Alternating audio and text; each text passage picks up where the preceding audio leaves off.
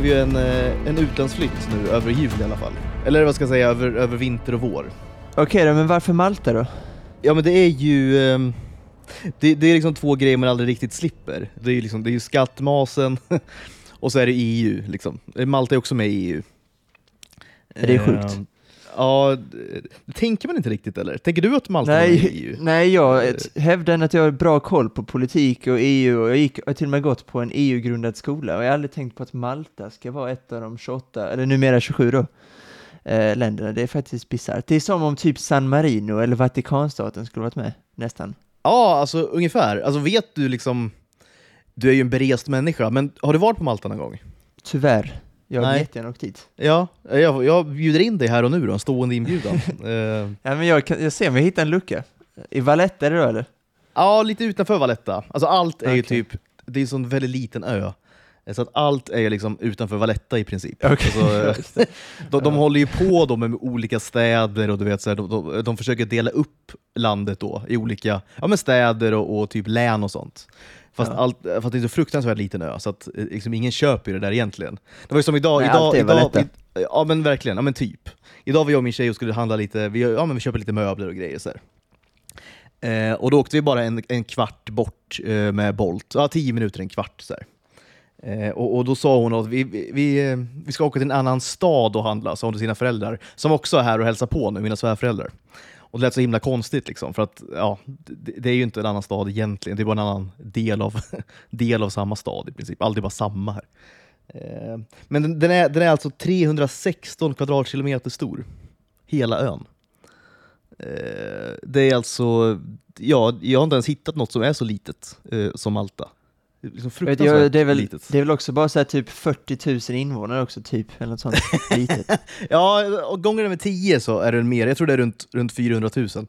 Eh, Du och din familj har typ ökat eh, hela landets population med typ en- en procentenhet, typ Ungefär. 0,5 eller sånt. Ja, jag har ju så fruktan, fruktansvärt många barn nu, numera.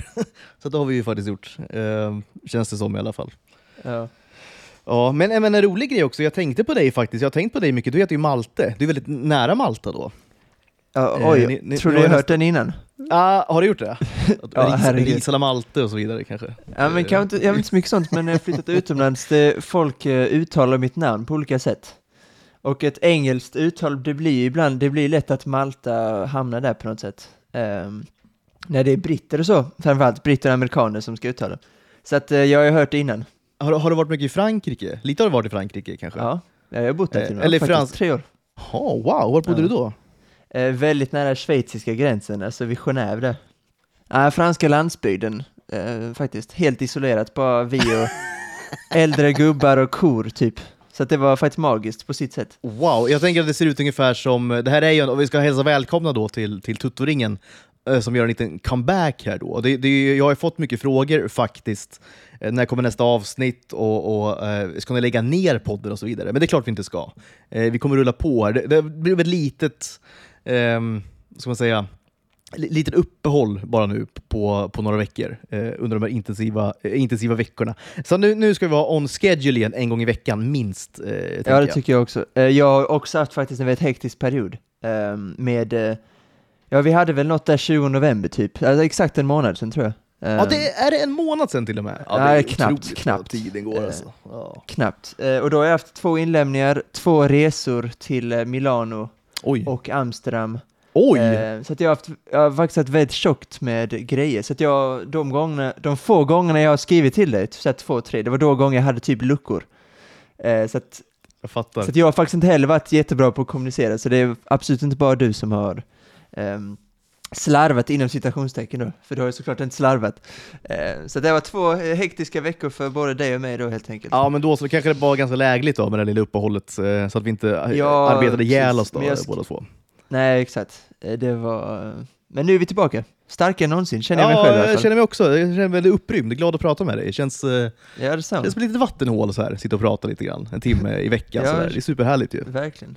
Men jag skulle komma till då, a- apropå den franska landsbygden, tänker jag ju på att det ungefär ser ut som i en av våra favoritfilmer, eh, är det ju Inglourious Basterds, där öppningsscenen. Eh, där då han, eh, vad heter han, eh, nazisten då som är spelad av Christopher Waltz? Eh, Hans Landa, såklart. Hans Landa. Eh, Fem plus namn, Ja, fem plus. Det är det faktiskt. Det är ett fem plus namn, det är en fem plus karaktär och det är liksom en, en fem plus insats av Christopher Waltz. Ja, skåd, skådis. Eh, Alltså, hela honom är, hela hans existens är fem plus. Ja, det, det, det är det faktiskt. Det, det är kanske Ja. den mest klockrena castingen som någonsin gjorts, känns det som. Ja, Eh, ja. Nej, men där, där kommer de då, han åker då med, med ett litet bihang av nazister då och ska leta efter judar, som de gjorde då eh, under andra världskriget. Eh, åker då ut till en liten by på franska landsbygden. Eh, väldigt pittoreskt och, och liksom ödsligt och vackert. Och var det ungefär så det ser ut? Eller såg ut? Alltså inte, inte helt eh, långt bort. Uh, det är klart det fanns skillnader. Vi bodde bland annat uppe på en liten kulle eh, och det är väldigt plant där de bor. Mm. Familjen Depardieu tror jag de heter. Eller nej, Le Padit. Monsieur Le Padit. Ja. Monsieur La Padit. Han Exakt. otrolig franska har han Eh, också, Christopher Waltz. Eh, Ja, det är sjukt. Ja. Och även väldigt bra italienska. Ja, det har han faktiskt. sig Det har han faktiskt. Ja. Ett geni helt enkelt. Ja, ja. Ja, det är ett geni. Det är ett galet geni. Ehm, eh, så precis, det är inte helt, inte helt långt borta. Sen är det väldigt idylliskt där just under sommartiden. Det är liksom eh, blo, fina blommor, illgrönt gräs. Han står där och hugger ved. Eh, fantastisk mjölk. Så det är lite, inte lika idylliskt, men eh, alltså, faktiskt inte helt långt bort. Det var liksom så isolerat landsbygd. Så att, eh, inte alls långt bort. Dricker man mycket mjölk där? Det var ju Han- Hans Landa var ju väldigt förtjust i mjölk eh, i filmen. Ja, han vill inte ha vin då, han vill ha Vill mjölk. ha mjölk ja. Ja. Såg så otroligt gott ut det glaset mjölk han får också. Man blir så otroligt törstig när man ser den scenen på något vis. Suger, Jag tycker ju själv mjölk, att mjölk är, mjölk är underskattat, tycker jag. Ehm, jag hävdar ju, jag har min tes då att mjölk är den bästa vätskan då, eller drickan alla kategorier. Eftersom att man kan dricka den kall, varm, eh, till mat, eh, även självständigt bara med ett glas mjölk. Eh, det släcker törsten och det är gott. Vatten är ju egentligen, det släcker bara törsten. Det är därför det är gott. Ja, ja precis. men lite uppfriskande då, för att nu är det ju, och då tänker jag såklart att du menar riktig då, ganska fet komjölk såklart. Alltså, ja, absolut. Gärna 3% eller mer. Eh, Absolut. Ja, Tre eh, och en halv. Uppfriskande, för att eh, nej, men jag, jag, jag verkligen avskyr, jag såg senast härom veckan då, eh, reklam för Oatly, det här bolaget som bara ska, ska sälja havremjölk och sånt. Eh, och lura oss då att, eh, att komjölk ska man inte dricka, för det, det är gjort för kalvar då och så vidare. Man ska dricka, man ska dricka ju- mjölk gjort för, gjort för människor. Det är ju där min tes, det är där min tes dör. Där nu när, när vi har börjat få så här eh, sirapsmjölk, eller vad heter det? Sojamjölk Så här, eh, och det är ju Sojamjölk, fru- exakt. fruktansvärt. Är det. Det är där, det, då, börjar, då börjar min tes kännas mer oren, att det finns andra former av mjölk som smutsar ner min tes. Ja, Så att det- jag vet det är inte länge jag tråkigt. kan hävda det här fortfarande. Nej, du kanske måste förtydliga då att komjölk kanske man måste lägga till då. Prefixet ko Ja, det är framför viktigt. mjölk. Viktigt. Eh, nej, men det, det är så roligt att, att deras paroll då är att de gör eh, eh, mjölk för människor. Men, men sanningen är att det smakar ju skit. Det, det, är, det är ju gjort för djur snarare skulle jag säga. Alltså havremjölk och sånt. Det är Ja. liksom inte gott någonstans, är det ju inte. Nej, det är inte gott. Fruktansvärt. Jag har aldrig testat Oatly, men jag har testat sojamjölk och det var bland det äckligaste jag druckit. Alltså alla Ja, men så är det ju faktiskt. Alltså, vem försöker ni lura lite grann? Eh, eh, men på tal, om, på tal om Malta och på tal om Malte och på tal om Frankrike så heter ju då Malta på franska Malt. Alltså man uttalar det Malt, eller stavas Mm. Malte. Eh, så Ja, du, har, du heter ju då Malta. På franska helt enkelt. Det var lite roligt. Ja. ja, det är kul. Ja. Det är, Någon sorts koppling då har du också då till Ett, ja, ett, ett annars ganska, ett annat, eh, liksom ett annat ganska platt namn har ändå en betydelse i franska, som är Ja, de största Jag språken. vet inte om Malta är så platt. Det är väl ganska... Det, det, det är ju ganska så det är inte jättevanligt namn tycker jag, och det är ändå ett, ett bra namn Nej, tycker jag. men... Ja, eh, det är mellan två och tre plus ska jag säga. Det är liksom inget... Kim tycker jag annars är... Det, det är liksom ändå fyra tycker jag plus. Ja men det är, så här, det, det, ja, men det är liksom, lite antingen så fyra plus eller så är det liksom, eh, lite överkorsad geting beroende på sammanhang nästan. Eh, det har ju också en väldigt tydlig liksom, 80-tals eh, liksom, vibb och det här att det är ett unisex-namn. Jag vet inte om det är bra eller dåligt. Och så, nej, jag vet inte. Ja, det är väl det här unisex som jag känner att det, det är väl enda vattendelen då skulle jag säga. Dra ner, dra ner betyget kanske lite Ja, grann men det gör det. ändå. Det gör det ändå Eh, lite. Men det har ändå, det har ändå tugg, det har ändå någonting med Kim. Ja, men det, fun- det är kort och det är liksom internationellt och så vidare. Ehm, problem, problemet ofta när man är utomlands, och det beror också på var i världen man är någonstans. För Kim är ju också, i Sverige är det ju framförallt ett pojknamn, men det är också ett, ett flicknamn såklart.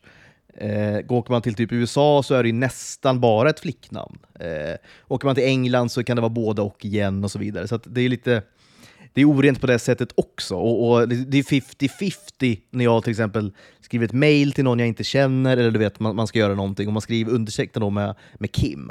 Så kan man få tillbaka då antingen “Hello Mr Kim” eller “Hello uh, Miss Kim”. Alltså det är, det är verkligen 50-50. Eh, så det blir lite stökigt på det sättet också, tyvärr. Men eh, med, det sagt, då, jag tänkte vi ska, vi ska börja, vi ska gå över på, vi har ett ganska roligt schema idag, eh, tycker jag faktiskt. Vi pratade ju sist då, en liten recap pratade vi om, om Quentin Tarantino, som vi ofta och gärna gör i den här podden. Bland annat i det här avsnittet har Ja, vi redan, redan kommit in mycket avhandlat, exakt. Redan avhandlat en film. Det kan bli fler, eventuellt. Eh, han hade ju då en lista som han har skrivit, uh, var du inne på i sin nya bok då, på, sju perfekta filmer enligt honom. Inte nödvändigtvis de bästa filmerna, det tror jag inte han, han menar. Det har ni andra listor på. Men sju filmer som är så pass perfekta att de inte går att liksom ifrågasätta. Det går liksom inte att säga någonting emot dem, så att säga. Eh, och, sju filmer då, eh, som han tycker är de perfekta filmerna. Och, och då eh, var ju du med ditt väldigt goda självförtroende, som jag tycker väldigt mycket om, eh, ville kontra då med en egen lista på perfekta filmer. Och sen vet jag också att den, den listan har ju vida överskridit då sju stycken, eller hur? Ja, det är fler. Något fler. Uh, och den innehåller även honorable mentions och uh, lite så. Så att det, det, är en, det är en tung lista med mycket, eh, det är, den är liksom väldigt matig. Vi, vi kanske ska börja med den ganska snabbt. Jag vill bara, jag vill bara börja, eller börja och börja, nu är vi en kvart in i avsnittet, har det börjat. Liksom. Men, men jag vill säga det att, att tyvärr då, apropå Rings of Power, tror du att, att det inte blev en enda Golden Globe-nominering? Är jag liksom rätt ute då eller? Jag tror det blev väldigt Ja, jag- skralt faktiskt eh, med Golden Globe-nomineringar. Eh, hade man kanske inte Ja, jag- riktigt väntat sig ändå, även om konkurrensen är stenhård såklart. Ja, just, ja, just Golden Globe, ja, det är tv och film dessutom. Eh, alltså för mig var det egentligen bara de stökigt, tekniska liksom, priserna. det är stökig, stökig, stökiga priser egentligen kanske. Om det är Ja, båda men det, är det, det, är en, det, är en, det är en väldigt otydlig gala tycker Ja. jag. Oscar är en väldigt tydlig film och eh, Emmy sånt väldigt tydlig tv. Här är Exakt. liksom, det är två olika filmpriser, bästa drama och sen är det bästa musikal eller komedi. Det är bara ett exempel på liksom galans Är det ett otydlighet. pris? Så att- Alltså det är antingen en komedi eller en musikal? Ja. Är det Bland annat sant? då Triangle, Triangle of Sadness, då en svensk film, jag vet inte när det hände senast, blev nominerad i den kategorin. Och Ruben Eh, Östlunds eh, nya film? ja. Ja, just det. Okej. Eh, och det är ändå stort, Det får oavsett om man tycker om honom eller, eh, eller hans filmer. Man, eh, det finns mycket att säga om dem, men eh, det är ändå väldigt coolt att en bland fem då helt enkelt är en svensk. Det- Det, väldigt sällan det händer. Det är faktiskt mäktigt, Det kan inte- det måste man säga. Det måste ha varit Ingmar Bergman typ senast. Eh, och Golden Globe, undrar om de, de ens fanns då? Det, jag tänkte precis säga det, undrar när det där priset instiftades. Han var ju väldigt mycket, han var ju nominerad till Oscar typ varje gång han gjorde en film var han ju. Alltså bästa internationella film. Och även tror jag något år bästa film överlag, tror jag. Eh, om jag inte minns helt fel. Men han var ju alltid på internationella film och vann ju två, två priser va? Tror jag han vann faktiskt. Något Eh, sånt. Eh, Ehm, Lasse Hallström har ju varit nominerad eh, som regissör. Det är ungefär så nära vi har kommit, en väldigt stor och fin utmärkelse. Och då skådespelare såklart, eh, det är en annan grej.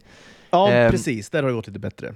eh, På senare Så det var inte stort. Men vi ska inte prata om Ruben Östlund alls. Nej, det ska vi inte eh, göra, faktiskt. även om det vore kul att namedroppa honom lite. Eh, Ja, men jag tycker gärna att förtjänar det. Så, eller svensk film förtjänar det ändå, för det är väldigt stort, tycker jag. F- Fem, fem filmer som bara blir nominerade. Jag har inte jättebra koll på just eh, nomineringarna, så jag skulle vara snygg här och försöka komma med en film som kan ha blivit nominerad bland de fem. Eh, Ja. Men jag väldigt osäker på eh, vilka det var faktiskt. Men eh, det är, det är fyra fantastiska filmer säkert. Det var, det var överlag ganska bra nomineringar där. Ja, Ehm, precis. Men Ruben Östlund är faktiskt inte nära min lista, det ska jag säga. Han är tyvärr Nej, inte, han är tyvärr Nej, Tyvärr. jag, bara, jag tror nästan jag har bara sett en film med honom faktiskt. Det är den här Turist, eh, såg jag när den kom. Eh, det såg nog aldrig The Square. Eh, var den också nominerad till något pris? Var det, nej, det, det var Cannes va? Guldpalmen var det va? Han vann i den. Han har vunnit den Exakt. två gånger i rad. Eller två, Ja, just det. Så är det ja. Är också stort. Och sen blev han faktiskt Oscars-nominerad bästa utländska film. eh, Just det. The Square. Och det är inte helt inte otänkbart att det blir samma. Nej, det vann inte. Nej, det kan nog bli samma med den här alltså. Den har fått väldigt mycket praise. eh, Har den fått. Men jag skulle bara säga det innan vi går in på din lista, för jag är väldigt sugen på den. eh, Att eh, lite då, break, det är inte breaking news, det här är ju flera veckor gammalt då, eftersom vi är så sega med att komma ut med den här. Men skådespelaren då, Joseph Mall, eh, min favorit i Adar. Rings of Power, spelar Adar, exakt. Han kommer då inte återvända i säsong två. Eh, det verkar lite luddigt varför han inte är med, men eh, alltså, det man har läst sig till och det man har liksom läst eh, efter att nyheten kom, så att säga, man har kunnat gräva lite grann, eh, så verkar det bara som att han, eh, han inte vill vara med längre. Han tycker typ det är för dåligt. Förstå, förståeligt. Eh, ja, men det är lite, lite som att han hoppar av ett sjunkande skepp lite grann. Eh, de, alltså, det, där kan man läsa mellan raderna lite eh, av hans avhopp då. Eh, och det kanske är smart, det får framtiden Ja, vi får utvisa se. lite grann. Jag noterade också se. detta. Och tänkte Ja. faktiskt säga det också innan, vi, eh, innan jag drog min lista, hade jag faktiskt tänkt säga det då, att de bytte ut honom. Vilket jag visste Ja. skulle göra det ganska ledsen. Jag tror det också var två andra skådespelare som byts ut, men eh, det var inte speciellt viktiga roller. Sen en annan, en, en annan grej som jag tycker är symboliskt fint är att för idag, för exakt 20 år sedan, så släpptes Two Towers på bio. Åh, herregud alltså. vilket det är ändå är 20 lite- år sedan. Otroligt. ändå, sym, ändå symboliskt att vi spelar in ett avsnitt då, Ja. Exakt 20 år efter Two Towers släpptes. Och att den är just det, 20 år gammal är också rätt sjukt kan man tycka. Eh, mitt födelseår, bland annat 2002. Ja, just det. Just det. Så att, Exakt. Ja, men mäktigt. det är ändå lite stort. Det är för det stort och eh, det är ju kul när vi kommer in i juletider och så vidare. För mig är ju det verkligen Sagan om ringen-tider. Eh, det Kanske är för att en- de släpptes blir en- under jultider. Ja, men det blir, en- det blir stående under jultid och sen kan det hända också någon gång under liksom, året. Att man får ett infall och, och vill se dem då för att de är så fantastiska. Eh, men under jultid blir det absolut eh, något sorts maraton. Kommer det. Kanske inte på en dag, men, men två, tre dagar ser man alla filmerna. Eh, Jag i- tänker att vi i- avslutar, vi avslutar ju podden idag med att prata lite julfilmer, för vi kommer inte släppa ett avsnitt innan julafton. Eh, då tänker vi att vi tar vå- våra bästa och vi bollar lite olika alternativ då. Och lite så här outsider som du har Sagan om ringen som så här, eh, ingen klassisk julfilm, men du, att du ser dem just under jul så har jag några sådana också. Ja, men så kul. vi kan eh, ta det sen. Men då börjar med min lista då helt enkelt. Att, varsågod, varsågod. Och då börjar jag med att ta några honorable mentions som hade kunnat vara med fast de är inte med av olika anledningar. En då är för att jag helt enkelt inte kan vara objektiv av den här filmen. För mig är det Inglourious Basterds då som vi pratade om tidigare. Mm. Eh, för mig är det en perfekt film. Eh, men det är liksom en favoritfilm som jag har haft med mig i typ 3-4 år. Eh, och jag har tyckt så sedan jag såg den. Så att jag kan inte ha den på en lista. Eh, för, eh, för det känns, helt, det känns alltid för subjektivt, tycker jag. Ja, jag fattar. Eh, Det var som när jag tar- hade min, ja, men jag köper det, det är lite som när jag hade min eh, serielista här för ett par veckor sedan och jag tog min topp tre då, eh, som kanske hade varit då diskvalificerade egentligen för att de är mina liksom, tre favoritserier. Ja. Eh, man, man tappar ju omdömet lite där, eh, Mm. kanske. Exakt. Ehm, sen har jag då också eh, två Spielberg-filmer, Saving Private Ryan, som är en av de bästa krigsfilmerna som har gjorts. Uh, framförallt då ehm, Omaha Beach-scenen såklart, som alla sna- snackar om sig efterhand. Um, Schindler's List, samma kategori där, Spielberg, 90-tal och krigsfilmer då, fast på ett annat sätt. Ehm, det som Kubrick har sagt, som Terry Gilliam har återgivit, som är Gilliams anledning till att han inte ens tycker om den här filmen, en av mina favoritregissörer, Terry Gilliam, Ja, är ja. att, och det har Kubrick sagt då det här att andra världskriget handlade om eh, liksom total eh, världsmisslyckande typ. Men, eh, men, men Schindler's list handlar om framgång. Ja, han fick inte ihop dem... eh, Nej, precis, eh, det är ideologiskt kom inte upp. Exakt, Nej, och eftersom att. Tarantino då, hans lista var då att man ideologiskt inte ska kunna gå emot de här eh, filmerna, så faller Schindler's list där. Så att jag tog Tarantinos ord där och tog bort den därifrån. Eh, The Matrix, eh, en av väldigt få filmer, jag skulle nästan säga två filmer, och en av dem är faktiskt med på min lista, som blir bättre varje gång jag ser den, vilket är väldigt oväntat. Det är otrolig action, originellt såklart, även om det idag inte är lika originellt, men det var det givetvis då, 1999. Ehm, Ja, Fantastisk action verkligen. som blandas av liksom filosofi och ja, den blir bara bättre varje gång jag ser den, vilket väldigt sällan händer. Så att den är nästan, nästan med. Sen eh, två filmer här som, eh, framförallt en, Forrest Gump. Eh, för mig är det kanske inte en perfekt välgjord så film, men när det kommer till filmupplevelse så är det liksom 73 filmer i en. Eh, det är otroligt mycket hjärta, det är en otrolig berättelse om Forrest Gump. Han är med i krig, han är pingpong, olympisk spelare. Ehm, han träffar, de här, han träffar de här människorna på vägen. Det är liksom, för mig är det en 10 av 10. Ehm, Lieutenant Dan, en av de eh, roligaste karaktärerna som jag tycker finns. Som inte, det ska, han ska ju givetvis inte vara rolig, men han blir eh, omedvetet väldigt rolig tycker jag. Um, så att eh, den här också hade kunnat vara med, men jag känner att objektivt den inte kan komma in där på något sätt. Uh, Nyckeln till frihet, Shawshank Redemption, uh, är också, men det är för mig lite ofarlig, jag vet inte heller, precis som Forrest Gump, om jag kan ta med den liksom på ett tekniskt plan. Uh, och sen såklart Alfred Hitchcock, alltså Psycho, Vertigo och sådana grejer. Uh, men där känner jag att min subjektivitet, jag håller inte riktigt upp dem där. Uh, A New Hope, Star Wars, typ, det finns några sådana uh, ehm, Christopher Nolans Batman-trilogi, framförallt Dark Knight, men nej, ingen av dem har jag liksom känt är perfekta. Så då, eh, men nu kommer vi till den här, den här listan med 20 filmer. Uh, och då är en en trilogi, men uh, det är typ en film, för det är, de är väldigt tydliga samma. Men då börjar vi med fem filmer från 70-talet. Uh, eh, och då tänker jag säga en väldigt snabbt, utan egentligen motivera, för det är, det är absolut det tristaste valet på hela listan. och, det, och, det är, och det är Gudfadern, och det skulle egentligen kunna ha med tvåan också eh, Gudfadern 1 och 2. Och eftersom att jag kommer inte kunna säga någonting eh, som någon annan inte har sagt, mer än att det är en liksom, otro, det kanske är den bäst pacade filmen någonsin. Eh, så att jag, jag, jag, jag har inget originellt att säga om Gudfadern, det är bara en perfekt film. Sen en av mina favorit, två av mina favoritfilmer, Taxi Driver, eh, som är liksom karaktärsstudiernas karaktärsstudie. Med fantastisk regi, fantastiskt manus, bra foto, Robert De Niro, fantastisk min typ av film liksom med en galning som man får vara med i hans tankar. Precis. Och på, ja. på tal om uh, galningar då, uh, A Clockwork Orange. Uh, ja. Som är en av mina, ja, typ, det är väl den Taxi Driving, Glorious Pastor skulle nog sägas med liksom mina tre favoritfilmer. Ja. Uh, det är bara perfekt hantverk av Kubrick rakt igenom. Ja, men Clockwork Orange, eh, det, det, är en film som absolut... Eh, ja, den är ju, alltså, som du nämnde, den är ju galen. Liksom. det, är, det är en galen... Det är, det är ju Stanley Kubrick i sitt esse lite grann. Ja, alltså, lite essen, alltså komma in i Stanley Kubricks eh, hjärna, typ är ju att se den filmen, för att den är så, den är så otroligt märklig. Men det är som du säger, hantverket är ju, den är, den är ju så... Ja, men den, är, den, är så, alltså, den är verkligen perfekt i, i, i vad den är för någonting. Eh, det, är, det är svårt att säga då, eh, som då eh, Tarantinos ehm, eh, vad ska man säga, incitament är, att man inte ska kunna säga något dåligt om den. Alltså, det finns liksom inga invändningar mot den. Eh, och det går, inte att säga, det går inte att ha någon invändning mot eh, Clockwork Orange egentligen, eh, på ett seriöst sätt. Eh, det är helt omöjligt, så att, det köper jag 100% eh, att den filmen är med. Och om vi fortsätter upp 70-talet, Alien Ridley, oh, Ridley Scott. Ja. Vi har haft Ridley Scott, Kubrick och Scorsese med. Det är en bra, bra trio att börja med den här listan. Ja, det kan man verkligen säga. Och så Coppola såklart. Eh, men när det kommer till Alien, det har alltid varit en diskussion liksom kring Alien mot Aliens. Mm. Och då mm. tycker jag att Scotts, han är otrolig på science fiction, alltså skjuta det och filma det.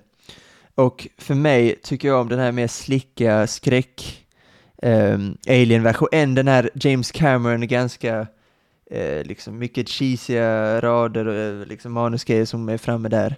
Ja, det är ju eh, väldigt och, stor skillnad faktiskt. Det ja, det är ju, faktiskt det. Och sen, det. jag köper folk som tycker om aliens mer, men för mig är jag team alien. Um, 100 procent. Um, jag vet inte vad, jag du, håller vad med. Du? Jag håller också med om det. Ja. Och det, det är också en det finns ju vissa filmer, och nu har du ju nämnt några redan här, eh, som är liksom ikoniska. Och de, de är eh, nästan, alltså, om, om de vore liksom människor så vore de helgon på något vis. Alltså, så här, de är liksom unreachable. Och där uppe är ju Alien. Och det är speciellt att det är det. Och, och det är lite som, som vi pratade förra gången tror jag om, eh, om Tarantinos eh, sju perfekta filmer, där flera av dem var liksom skräckfilmer. Flera är liksom otäcka och läskiga, ändå är de perfekta filmer. Och det, det är lite grann, det är samma med Alien ju. Eh, eh, och, och, att man kan gå in i den genren och ändå göra hantverket så, så oerhört perfekt. Och allt liksom är så väl avvägt, väl balanserat. Och i slutändan så blir det en perfekt film, faktiskt. Eh, det, det, ja, Alien tycker jag absolut hör hemma på en, på en sån lista. Jag ska säga att jag tycker också väldigt mycket om Aliens. Och det är inget mot James Cameron eh, med det här. Det är väl, alltså, hans, hans manusförfatteri är väldigt mycket så här cheesiga rader kan man säga. Eh, jo, det, är, det blir ju ofta det, eh, verkligen. Väldigt amerikanskt på något vis är det ju. Ja, lite så. Um, Ehm, och det är jag, jag har inget emot, jag bara föredrar aliens mer liksom sofistikerade tolkning om det är en skräckfilm. Sista filmen på 50-talet, eller 50-talet, 70-talet då, femte och sista här. Um, ska du kanske gissa här, det är 1975. Det är, ett, det är en väldigt komisk film, en av få utländska filmer då. Eh, eller utländska, det är en engelsk film helt enkelt. Brittisk film. Satir i, ute i fingerspetsarna. Vi har, vi har nämnt Terry Gilliam, han är i allra högsta grad involverad i den här filmen. Är det då Monty Python and the Holy Grail? Det är exakt vad det är. Ehm, Ja, de, har gjort tre film, de har gjort tre filmer då och alla tre tycker jag är väldigt bra. det är de Men, verkligen. Min favorit av de tre är då den här första. Ja. Det, det, det, det är faktiskt samma för mig. Jag, jag tycker den filmen, jag, jag såg den första gången när jag var kanske tio år gammal eller någonting. Ja. Och eh, jag tycker den fortfarande är så otroligt liksom, rolig. Och eh, liksom Monty Python being verkligen alltså peak Monty Python. För det ska man ju veta, liksom, Monty Python har gjort mycket skit också, om vi ska vara helt ärliga. Liksom, eh, och, och, men, men det blir ofta så när man är då en humorgrupp eller vad det nu kan vara för någonting som, som bara pumpar ut material. Alltså allt kommer ju inte hålla, liksom, allt kommer inte vara bra. Men däremot så, så riskerar man ju heller inte att, att eh, skala bort det som verkligen är genialiskt. Liksom. När man hela tiden vill lägga ut allting som man gör i princip, som lite Monty, Monty Python alltid har gjort. Och det gör att man, man Ja. kan få sådana otroliga träffar. Liksom. Och den här filmen är ju en sån träff som bara är 10 av 10 och, och eh, alltid kommer hålla liksom, i alla tider, den Mm. filmen. Mon- Jag tycker den här, de, de är, det är en otroligt fin balansgång mellan slapstick och nästan för dumt. Men det är trots allt en väldigt, det är en väldigt intelligent film. Alltså det är en satir på högsta nivå. Alltså om jag hade varit tio år sett den, den hade flugit över mitt huvud. Jag hade knappt tyckt den var rolig tror jag. Nej, jag tyckte bara den var sjuk och galen liksom, och därför tyckte jag om den. Ja, Eh, precis. Men det här att de imiterar en häst, att de bara liksom eh, paddlar på där utan att de sitter på en häst. Alltså bara sådana grejer så, man kan så, tycka var så kul. två coconutshalvor bara mot varandra. så det ska låta som att de galopperar och så vidare. Exakt. det är så otroligt korkat. Men den, ja, det är otroligt korkat. Och den Men det är också mördar, mördar kaninen då de måste ta sig förbi och så vidare. Som Ja, tar ihjäl flera stycken av dem och så vidare. Eller, eller, eller öppningsscenen när det egentligen är när en man då går med en skottkärra och hämtar upp döda kroppar. eh, och då Exakt. en man kommer fram då med en man på ryggen som säger då, ja men den här, men så säger jag är inte alls död, så slänger han honom på golvet. och så bara, jo nu är han död, och så död. det, det var väldigt kul överlag, och det, det är en perfekt komedi liksom för mig. Ja, det är det faktiskt. Det är det faktiskt.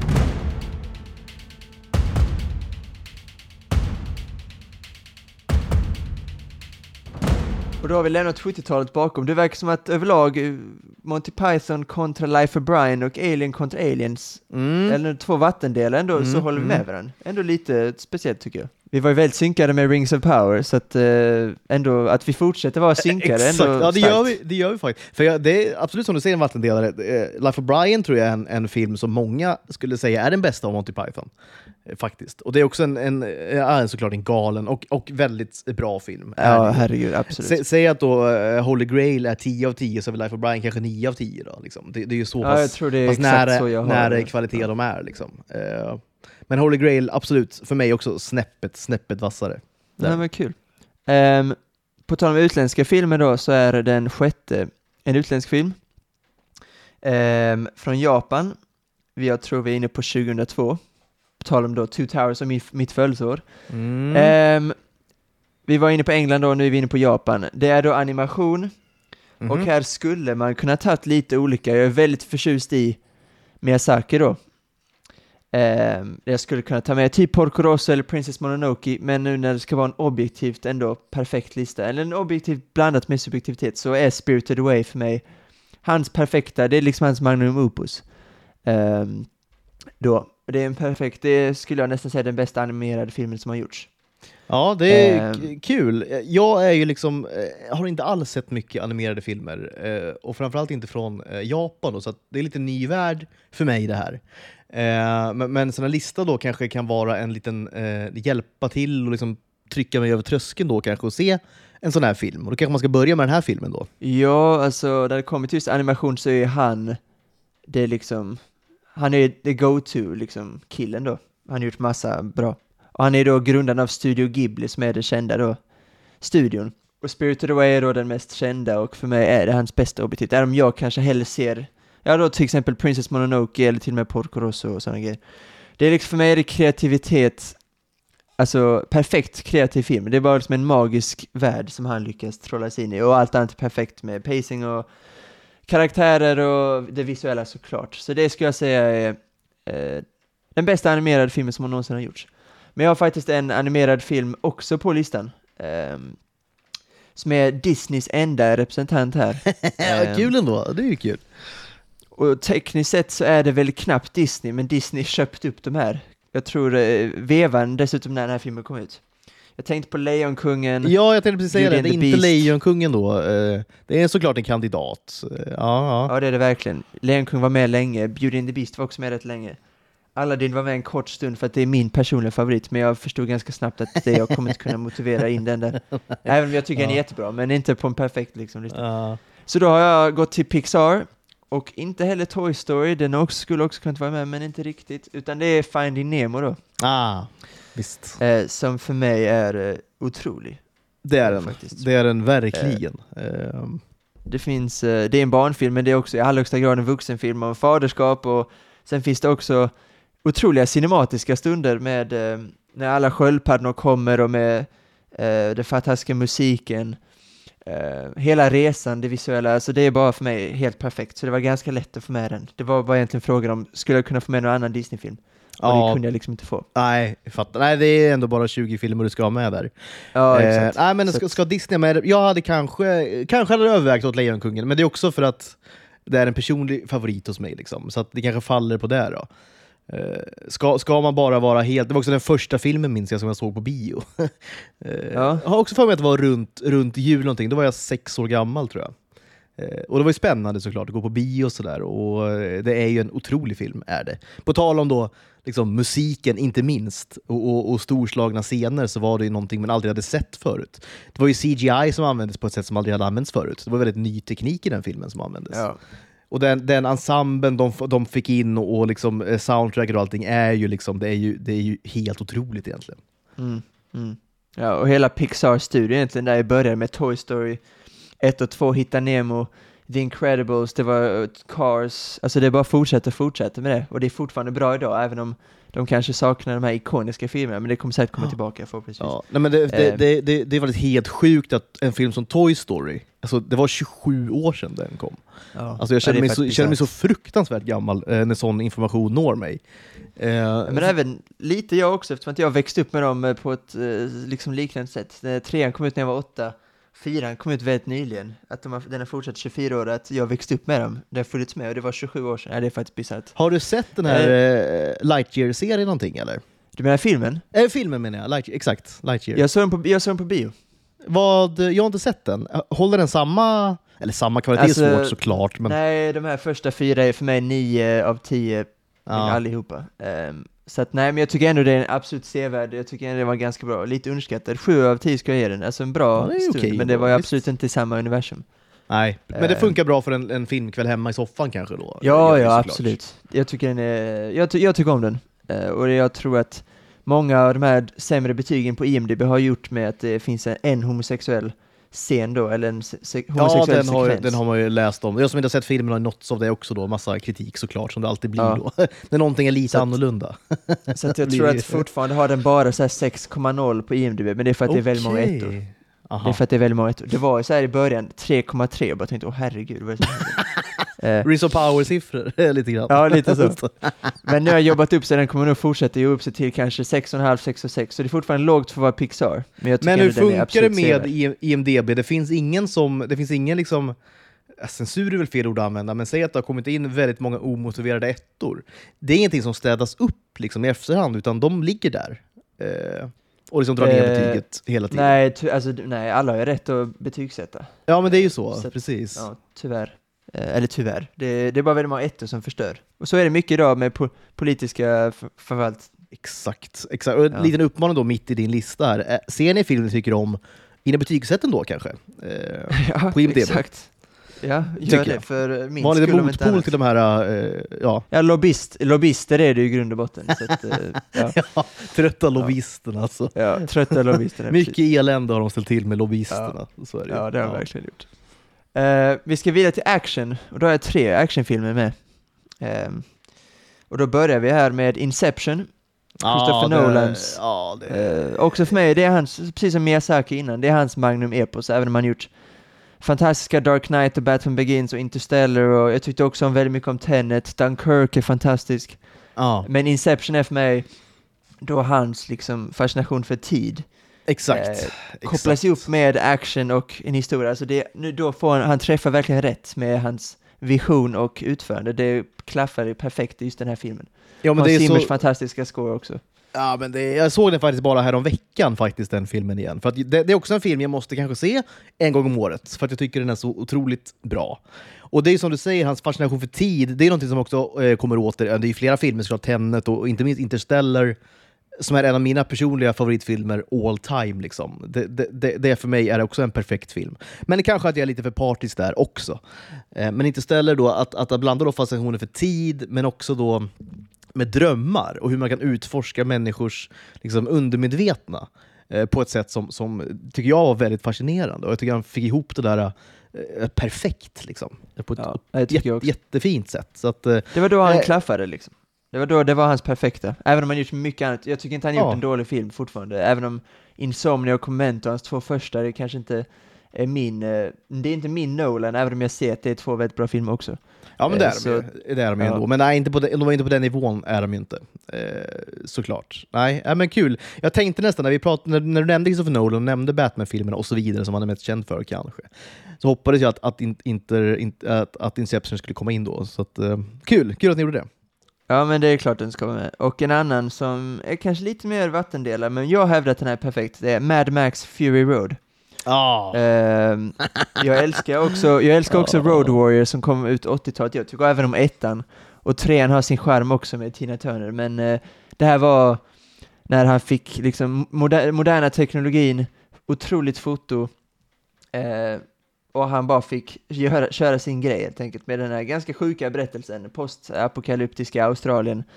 Eh, nej, det finns ingen bensin, så man slåss liksom för bensin och han lyckas träffa rätt med liksom boven igen med Killmonger Joe, eller Morton Joe.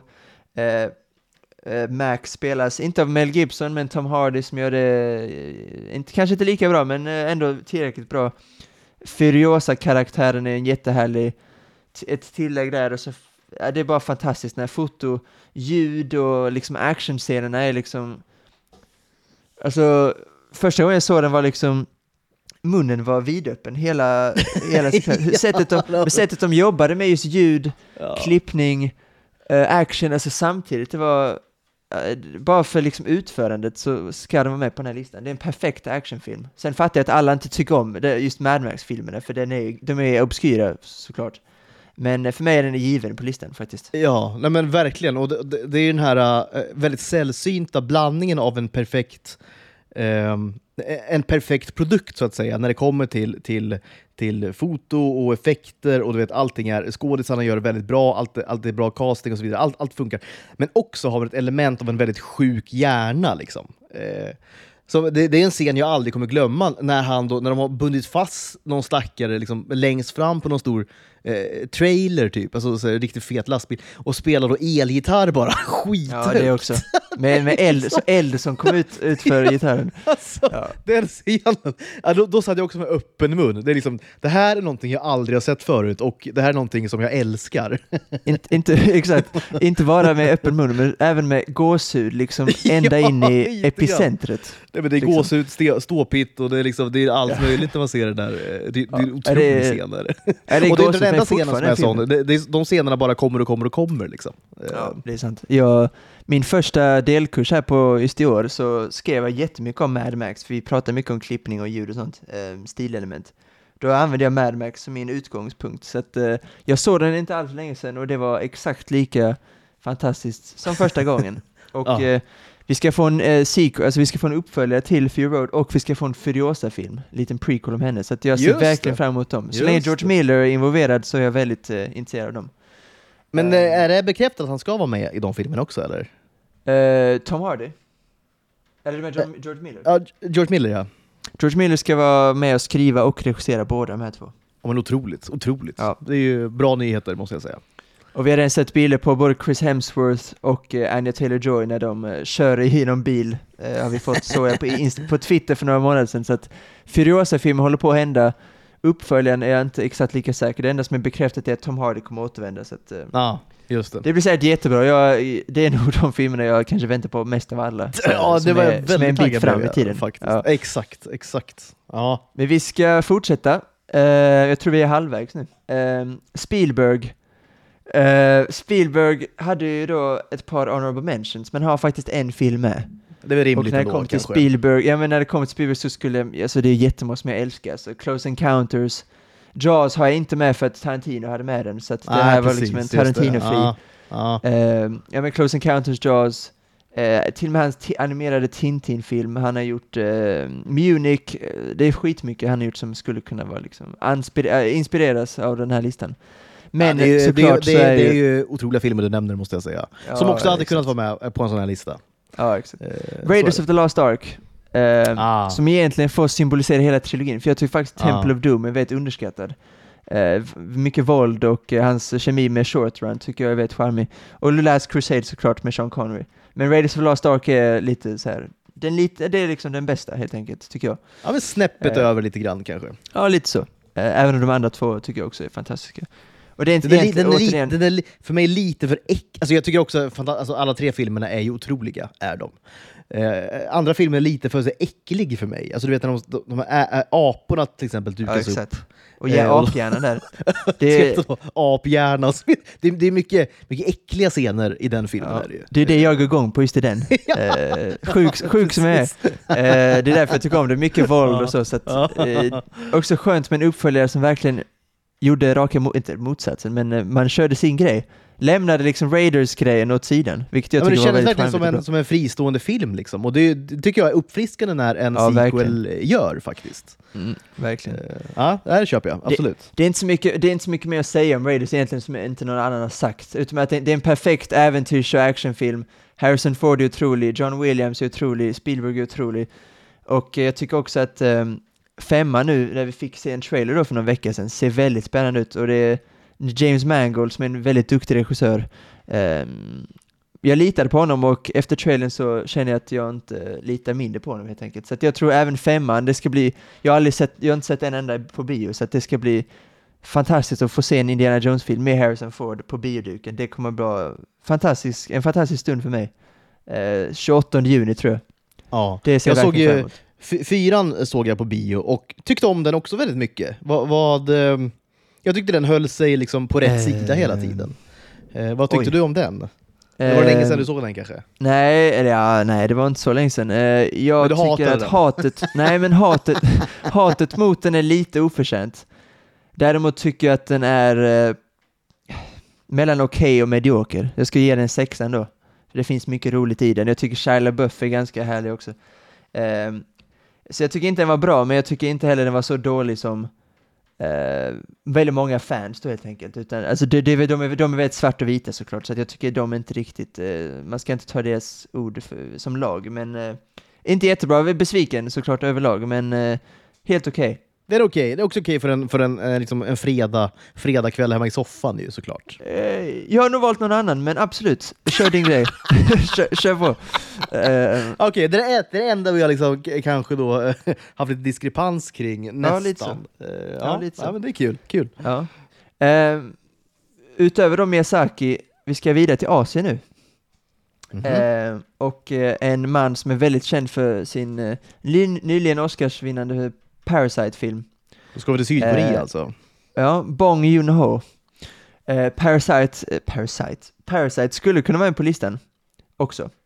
Hans eh, zombiefilm The Host skulle också kunna vara med på den här listan. Men eh, den film jag har valt som jag tycker är hans bästa är Memories of Murder. Ah, 2002 kanske? Ja, tre tror jag. Men, Tre ja, kanske? Ja, tidigt där. 2000 i alla fall. Ja. O- eh, Otrolig film. Otrolig liksom eh, tempo i manuset, alltså excentriska skådespelare. Den innehåller bland annat en av mina favoritskådespelare som är huvud, jag vet inte vad han heter, vilket är sjukt. Och lite smårasistiskt av mig att inte kunna namnet. Eh, men han, han heter Park. någonstans är det Park. Ja, Det är också, ja Eh. precis, alla heter också Park eller Kim. eh, Ja, jag vet, så det är också sånt. Ja, svårare det är- Men jag vet svårt att han heter Ja, jag vet. Park. Det är, då, det är dåligt såklart. Men det är också lite svårt är det att, att hålla helt Jo, koll, men jag hävdar ju att det är en av mina favoritskådespelare. Så att, Ja, då, då är det lite det- sjukt att du inte vet vad han Ja, heter det- kanske. ja.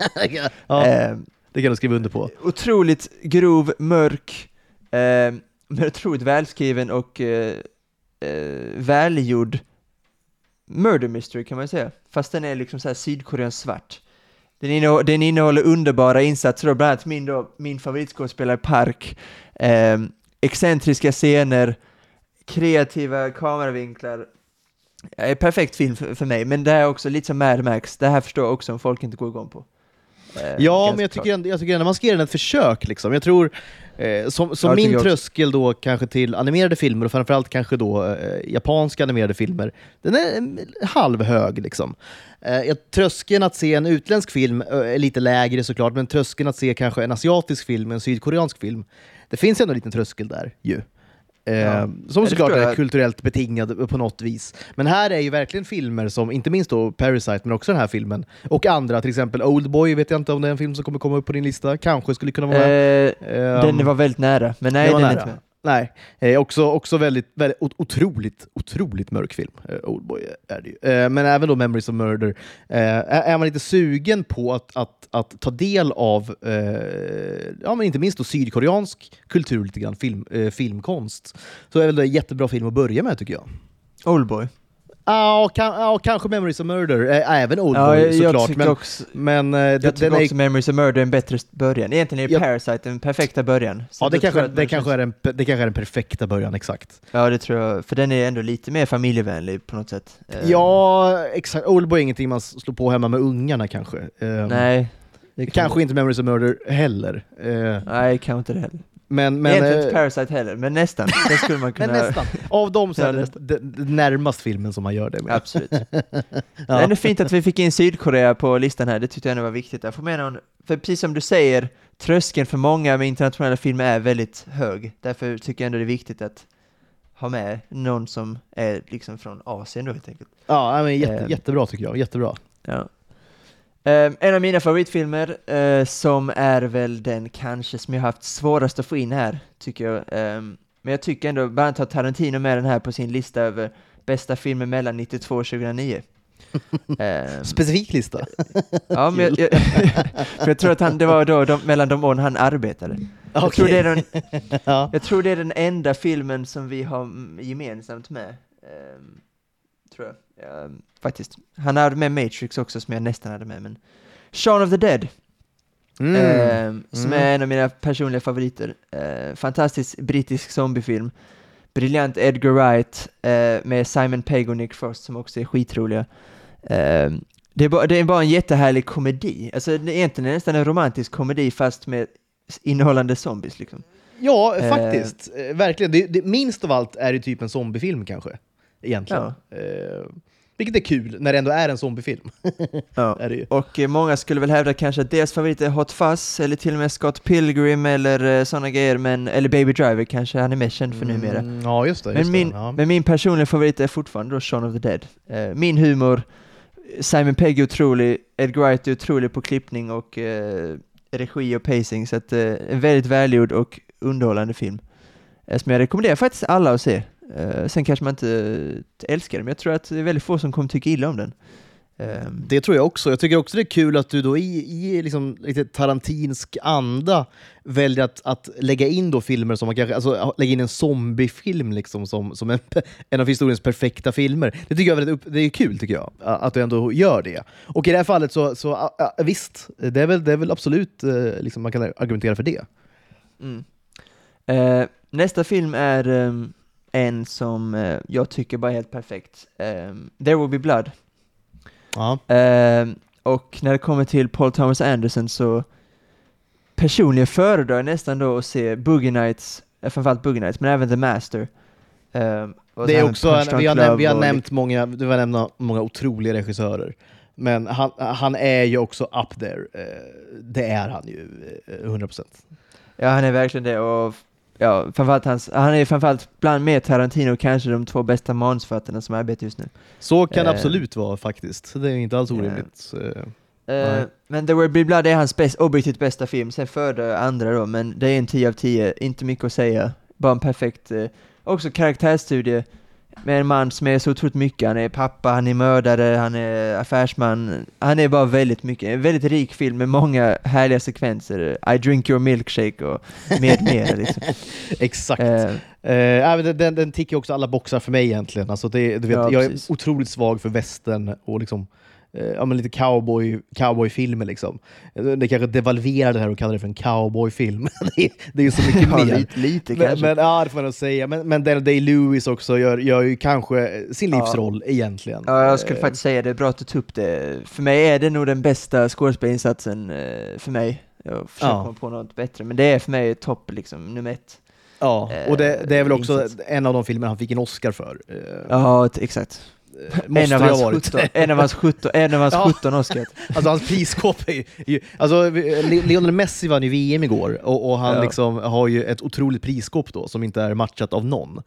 Samma sak är Men där, Daniel utom Day-Lewis. Daniel Lewis. Ja. Han är liksom skådespelarnas eh, Lionel Messi. Alltså Ja, han, har, han har vunnit så fruktansvärt många priser och inte minst så fruktansvärt många Oscars. Ja. Vilket Och är... mellan, there will, mellan There Will Be Blood och eh, Phantom Thread, som han gjorde med Paul Thomas Anderson 2017, har han bara gjort en film, Lincoln då, som han också Ja, vann Oscar för. Som han också vann Oscar för. Ja. Ja, exakt. Exakt. Nej, så men att han tror- jobbar väldigt lite tyvärr. Han är, jag tror han har typ slutat. Jag tror till och med han har är- pensionerat sig nu faktiskt. Ja. Eh, han, han, han tog ett väldigt långt break då, där han bodde nere i Italien och arbetade som skomakare. Va? Han, han har liksom var sko, skomakarlärling tror jag i, i, i, under ganska lång tid faktiskt. Eh, så att det är en väldigt excentrisk människa och, och Ja, får- eh, en, en fantastisk skådespelare är det ju. Ja, det får man verkligen säga. Ehm, nu kommer vi in på 80-tal. Jag tror nästan det är min enda film som är på 80-talet. Tarantino bland annat har sagt att 80-talet är filmens liksom värsta tid. Ja, men det är ju Eh, inte, det, fick- det är inte ett kanondecennium, det, det är ju liksom, det är filmens medeltiden lite grann, alltså dark ages. Det, det kom inte jättemycket bra där, gjorde det inte. Nej, det är ju Indiana Jones-trilogin då möjligtvis. Ehm, och den här filmen då som jag har haft med, som jag tycker är rätt bra, Stand By Me. Ah. Eh, som eh, jag tror är Stephen Trevligt. Kings, ut, nu tänker jag Precis, högt, men jag ja, ja, tror ja, det är visst, Stephen visst. Kings enda film som jag har med på min lista. Ja, men Eh, det kan jag också köpa faktiskt. Han... Eh, Stephen King kan jag tycka, jag läser mycket Stephen King, jag, jag, tycker, jag tycker om att läsa han, jag har många av hans böcker hemma och sett många av hans filmer, eller filmer som är baserade på hans böcker. Men det finns också en tendens med Stephen King, eh, li- lika, likadant som kanske med Monty Python, att, att eh, eh, liksom skiter man ur sig nog med material så är det klart att vissa grejer man gör kommer bli 10 av 10 och fantastiska. Mm. Men han har ju också gjort ganska mycket som är liksom skräp, eh, mer eller mindre. Om vi ska vara helt Ja, han, gör, Eh, han skriver väldigt mycket. Så att Nej, man det skriver typ tre böcker om året. Alltså, han har en sån otrolig utgivningstakt att, att eh, det Ja. liknar ingenting. Han måste vara typ tidernas mest produktiva författare, kanske. Eh, Ja, alltså nästan romanförfattare. eh, Han blir också faktiskt. alltid utgiven, så att det Han blir- han får ju. ja, verkligen. Ja. verkligen. Eh, nej, men bara, att bara, hans, bara hans fanbase är det klart att, att eh, går ju böckerna liksom plus på hela tiden. Förlagen går ju plus Ja, bara på att, på att de köper böckerna såklart. Ja, De behöver liksom inte Det nå spelar ingen en, större skara än så. Och de vet ju också att det kommer vara något dåligt, så att de kommer ändå köpa den, för det kan vara bra, det kan vara dåligt. Exakt, man, man Det- vet liksom aldrig riktigt. Eh, lite grann. Eh, så jag, men men eh, jag skulle säga att, att filmerna kanske... Eh, böckerna är ju... Och, eh, ofta börjar de väldigt bra, kanske slutar sämre lite grann. Det är liksom kanske ett tema i hans böcker. Och filmerna tycker jag liksom sällan kanske når upp i liksom bokens nivå. så. Eh, men men eh, Stand By Me är väl ett sånt exempel på en film som, eh, som absolut ska vara med på en sån här lista, tycker jag också. Ja, jag tycker också det här är lite som Shaun of the Dead, objektivt kanske inte skulle varit med, men jag tycker det är någonting med barn, eh, och den realismen, och det är no- jag tycker det är någonting när man arbetar med barn inom film som jag tycker är väldigt spännande, framförallt när det görs bra. Eh, jag tog ett djup film med liksom barn som växer upp i den här speciella miljön, hitta en död kropp, ute på resa, härliga sekvenser, välregisserad, välskriven också som barn då. Kny, äh, jättehärlig knyts ihopsäckning där på slutet också. Så för mig är det bara en personlig favorit som jag tycker ändå ska vara med där. Också Stephen King, ändå viktigt att ha med någonting från honom. Eh, ja, jag. Ja, det kan han väl vara värd med, med, med sin katalog liksom. Det är klart han får nej, någon träff såklart. Det måste han ju få.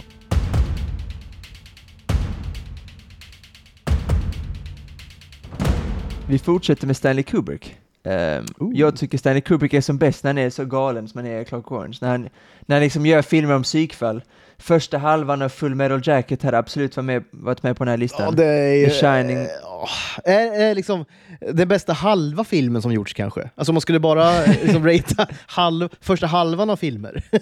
Ja. så kanske Ja, den det skulle hade varit otroligt. uppe. Ja, det skulle nästan kunna vara ett. Ehm, The Shining lika så.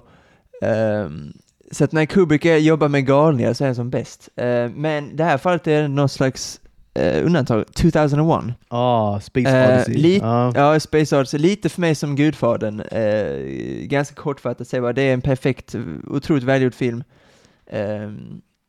Det, är bara, det är bara perfektion allt igenom. Sen kanske inte det, är filmen man ser om en gång om året, men eh, visuellt otroligt, ehm, det, är bara en perfekt film, precis som Gudfadern. Eh, inget, egentligen inget nytt att säga om den, mer än att det, det är hans liksom, perfekta film, även om det kanske inte är hans mest underhållande film.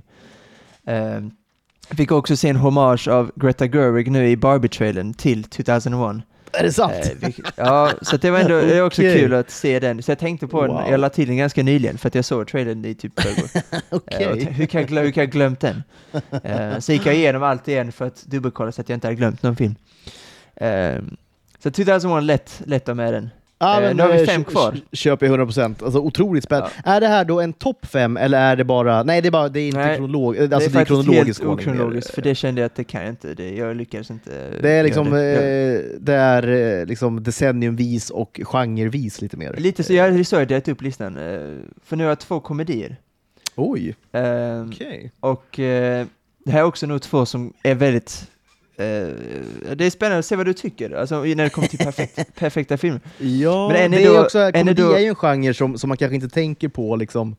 Eh, att vara eh, så 10 av 10 filmer, alltså, du vet Oscarsvinnare eller perfekta filmer eller så vidare. Eh, det, det är kanske sällan man tänker på komedier då, så jag är väldigt spänd på att liksom, två av fem nu är komedier. Ja, det är... ehm, jag tycker, det är för mig de här två, jag är perfekta komedier. Det, man skulle kunna ta upp någon Will Ferrell, typ Anchorman, Talladega Nights, men jag känner, ah, Ja, inte riktigt. kanske inte riktigt. Eh, Nej, en kanadensisk film från 2007, ehm, som för mig är, många säger Pulp Fiction, men för mig är det här liksom den mest citatvänliga filmen som någonsin har gjorts. ja. Ehm, och det är min favoritkomedi alla kategorier, och det är Superbad. Ehm, Ja. Som för mig är, varje gång jag ser den, jag tror jag har sett den 45 gånger, jag skrattar lika mycket varje, jag skrattar lika mycket varje gång. ja. Det är eh, en perfekt komedi. En härlig coming of age-berättelse och det är också otroligt välskrivet. Eh, för de skriver till, alltså många så moderna Netflix-filmer känner jag att eh, de skriver liksom inte riktigt ungdomar, känner jag att de, så här pratar inte folk. Men det är Nej. exakt så jag och mina kompisar skulle kunna prata. Det är en realistisk historia, otroligt rolig historia med liksom två roliga karaktärer. Också perfekt castad då med Jonah Hill och Seth Rogen. och, Ja, eller förlåt, Michael eh, Cera. Michael Cera, Ja, Emma Stone. eh, Exakt. Christopher Mintz. Pace som spelar McLovin då. Ehm, McLovin, exakt, exakt. ja. Så att för mig, Super är det, den måste vara med på den här listan. Det är en perfekt liksom, komedi. Ja men det är det faktiskt, och, och det, det är en sån här once in a lifetime-film nästan. Eh, som man gör. Det är Seth Rogen, tror jag, som har skrivit manuset också. Ja, han, Eh. spelar, han spelas ju av Jonah Hill då, Seth. Ja, det Ehm, gör den ja. ja. exakt, exakt. Nej, men det hade ganska liten budget, eller inte liten budget eh, vad jag minns, men det är ju såklart en Hollywoodfilm, det är en stor budget. Men alltså, jag tror den gjorde typ så här, eh, 10 10-15 gånger liksom, eh, budgeten liksom i box office. Ja, ja. Så det var en Ja, ja. mega, mega succé. Liksom. Eh, Ja. var det verkligen. Så för mig är den eh, helt given på den här listan. Jag vet inte om du känner samma sak, men Jag, ty jag, tycker den är, jag tycker den är jätte, jätterolig, det tycker jag verkligen. Eh, hade det nått på min topp 20? Ja, men eh, jag vet inte. Jag vet faktiskt inte riktigt. Jag behöver tänka efter lite tror jag. Ja, men alltså så här, om, om ja, mm. den, är ju, den är ju up there i alla fall. Det, så mycket kan jag säga. Absolut. Du Det, får, det, det är en ehm, väldigt bra film. Det är liksom en perfekt komedi på något sätt. Alltså så här, ja, precis. eh, 20 bästa komedier, så kanske den är nummer ett, nummer två, nummer tre någonting. Eh, så kan det väl vara. Kanske. Ehm, du får se vad du tycker om eh, nästa komedin, om du tycker om den mer. Eh, och nu ska vi till Ben Stiller och vi ska till Ben. Stiller och vi ska lite, vi ska också prata lite blackface av Okej. Robert Downey Jr. Ja. Det är eh, Tropic Thunder Ja. Ja. som jag tycker också är ganska given på den här listan. Eh, när det kommer just till utförande och Jag humor. måste, jag måste bara säga, du ska, du ska få motivera det här, men jag måste säga, jag trodde nog aldrig att Tropic Thunder skulle landa på en liksom, topp 20 perfekta filmer genom historien. Men det gör mig väldigt glad ändå att du har valt den. Och jag är väldigt spänd på att höra motiveringen. Ja, men eh, lite som Superbad, att det är otroligt, eh, en, en väldigt, väldigt rolig film. Ja. Eh, otroligt Robert Downey Jr. blev till och med Oscars-nominerad. Ehm, ja, det är, ja, det ju sanslöst alltså. Ja, visst. och eh, alltså kreativt, alltså väldigt välregisserat, välklippt, alltså originella, återigen kameravinklar och eh, synvinklar och eh, även ganska fint foto. Men det är ju såklart, när det är en komedi man eh, betygsätter så är det ju bara efter hur mycket man skrattar. Och det är en otroligt rolig, orgi- originell komedi eh, som för mig är tidlös. Och framförallt idag, när det känns som att en Robert Downey Jr. i blackface kanske Ja, det har aldrig Inte- kunnat göras idag, en sån Nej, film. och det gör mig- hänt, liksom. Nej, och det gör mig väldigt ledsen. Att min, min, med min ambition som manusförfattare känner att det är inget territorium jag kan liksom komma in på. Och det känns som att det Nej, finns många, det, är finns många territorium man inte kommer in på som Det är komedimanusförfattare, vilket är Mycket, tråkigt. mycket minerad mark eh, för manusförfattare. Ja, det är det verkligen. eh, Man hänger 2022, löst, minst 2023. sagt. Ja, det Ja, gör det man verkligen verkligen. Verkligen alltså. Vilket gör mig ledsen, så det är nog också en stor anledning till att Tropic Thunder är med, just för att hur komedivärlden ser ut idag. Mm. Ehm, och hur lite de kan göra. Eh, Ja. I princip ingenting, om vi ska vara helt ärliga. Ehm, så att eh, därför känner jag att den ska vara med, för den är otroligt rolig. Eh, och vissa monologer också är bara bisarra, och det är Jack Black och det är Robert... Det var... Ja. Det, var, det, är lite, det är lite Family Guy fast på film känner jag. Det, det är så dumt och så roligt så att det blir perfekt, men det är en, det är en tight gräns där. Ja, men det är också en, det är också en perfekt eh, cast, är det ju. Ja, i det är det. i den det är filmen. sannerligen. Ja, alltså. det, det, måste, måste man säga ändå. Ja. Så nu är det mer, eh, jag börjar med en, för sen har vi en regissör som har två filmer. Och det här är, det här eh, är David Finchers då enda. Och då var Fight Club, Fight Club var nära. Personligen är Zodiac min favorit, så att den var också nära. Han är ju otrolig med Seven och Girl with Dragon Tattoo också. Men de var inte, riktigt- de var inte riktigt där nära. Men Fight Club och Zodiac var väldigt nära. Men för mig, precis som Matrix, så blir Social Network bättre varje gång jag ser den. Okej, Ehm, intressant. Alltså det är Ja. så mycket eh, manus och det är framförallt Aaron Sorkins, Sorkins manus. Ehm, det är så många, jag tror det är den i Hollywood de senaste 15 åren, den med längst manus, men som är med kortast filmtid. Eh, Är det sant? Ja, ja. men jag kan tänka mig att det är typ 250 sidor kanske. Ja, något Eh, sånt. Alltså Eh, det, är- det är så mycket dialog liksom. Det är bara dialog. Det är bara dialog. väl? David Fincher är, Det är ett liksom inget geni. annat. Eh, jag tror det finns nog ingen bättre regissör, alltså bara regissör, alltså med det visuella och klippning och allt, så är David Fincher bäst ska jag säga då. Och här får han arbeta då med ett otroligt väl, alltså fantastiskt manus också. Eh, med Jesse Eisenberg som är perfekt som Mark Zuckerberg.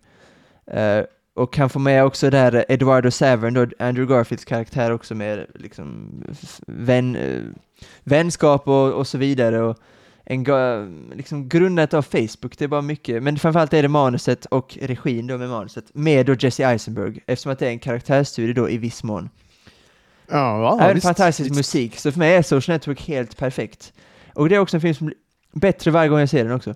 Ja, det, jag har faktiskt bara sett den kanske två gånger, så det är väl läge för mig att se den igen. Då. Ja, det tycker men, jag. Men, eh, Aaron Sorkin är ju en, han är i och för sig väldigt, väldigt hyllad, eh, nästan till bristningsgränsen ibland.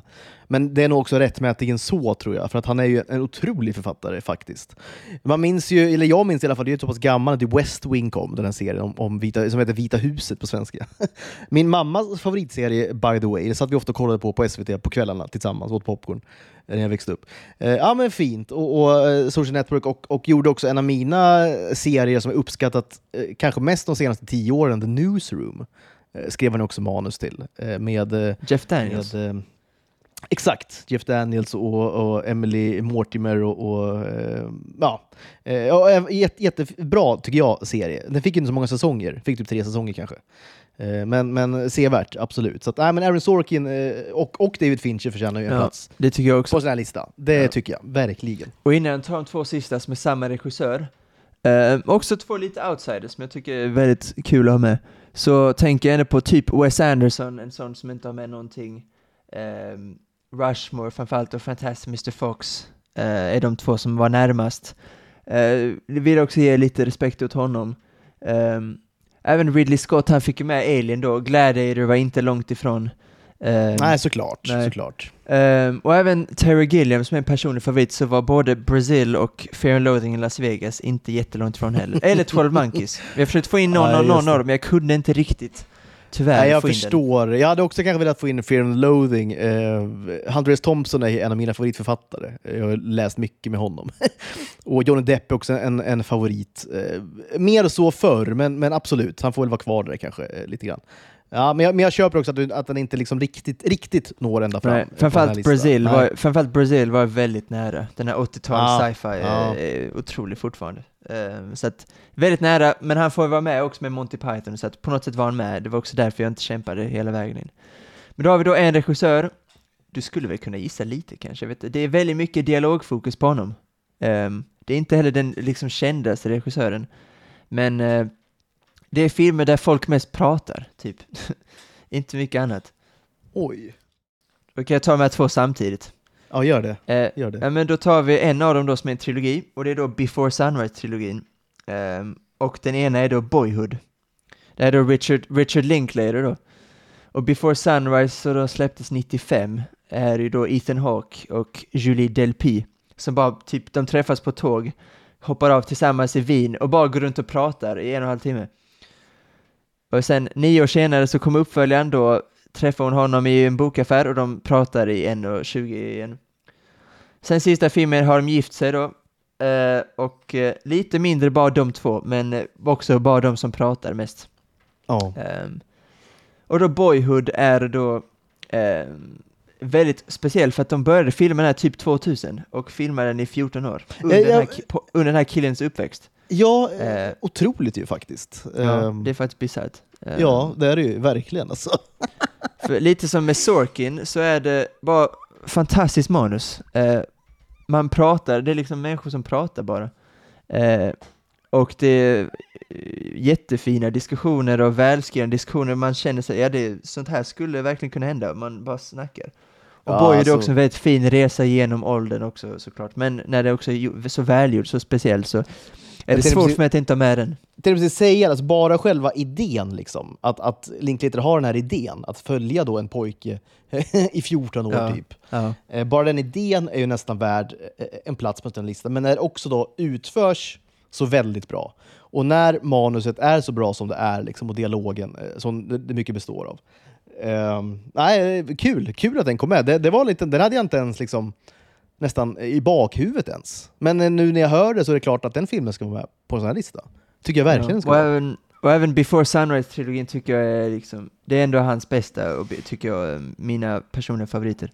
Mm. Framförallt den första, men även den andra och den tredje också i och för sig. Om jag ska, men det, de första två är väldigt, det är bara de två som går runt i europeiska städer och bara snackar typ om eh, allt, om livet typ.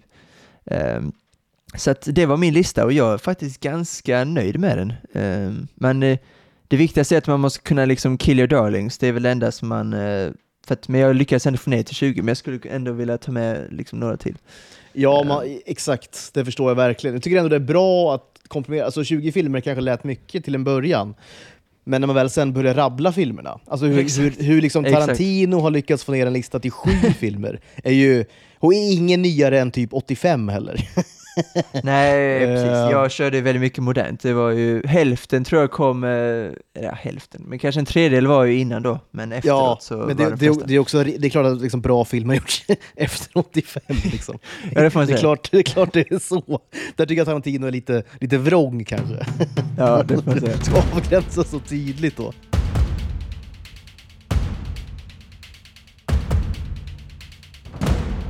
Jag tänker att vi avslutar då eh, det här eh, avsnittet. Eh, K- kanske att vi ska försöka snabba på lite, vi har pratat över en timme redan faktiskt. Och det blir ofta så när vi sitter ner och pratar. Det, det, det tenderar att, att ta sin lilla tid, vilket är trevligt. Men du vill gärna prata lite julfilmer också. Så här, i, i, när vi spelar in det här så är det 19 december och vi kommer tyvärr då inte hinna komma ut med ett nytt avsnitt innan julafton. Ja, det är ju snart. Jag Det är vä- väldigt snart är det julafton. Ja. Eh, Ja. är det. det går fruktansvärt fort. Så att, eh, litet då, eh, liten kortare då kanske lista på, på sevärda julfilmer. Eller kanske till- och med dina favoritjulfilmer. Men vi kan, jag tycker vi kan diskutera, jag bara lite fram och tillbaka vad vi har för. Ja, du jag, nämnde har- Sagan jag om har ringen några då. bud också såklart. Eh, Ja. det, det finns det ju, absolut. Ja. Men om vi ska ta grejer som inte är så juliga då, som då Sagan om ringen kanske inte är. Så har jag Harry Potter-sagan då, som jag brukar se om. I år har jag inte gjort det för att jag, som sagt, hektisk, eh, hektisk tid, så jag hann inte se alla åtta. Um, ehm, men eh, Harry Potter är nog den sån, det finns ju julinslag, men det är ju såklart inte primärt julfilmer. Ehm, um, så det är väl de jag ändå skulle vilja se, för det är den tiden på året ändå när det är lite mörkt. Um, framförallt ettan då, ska jag säga är mest julig.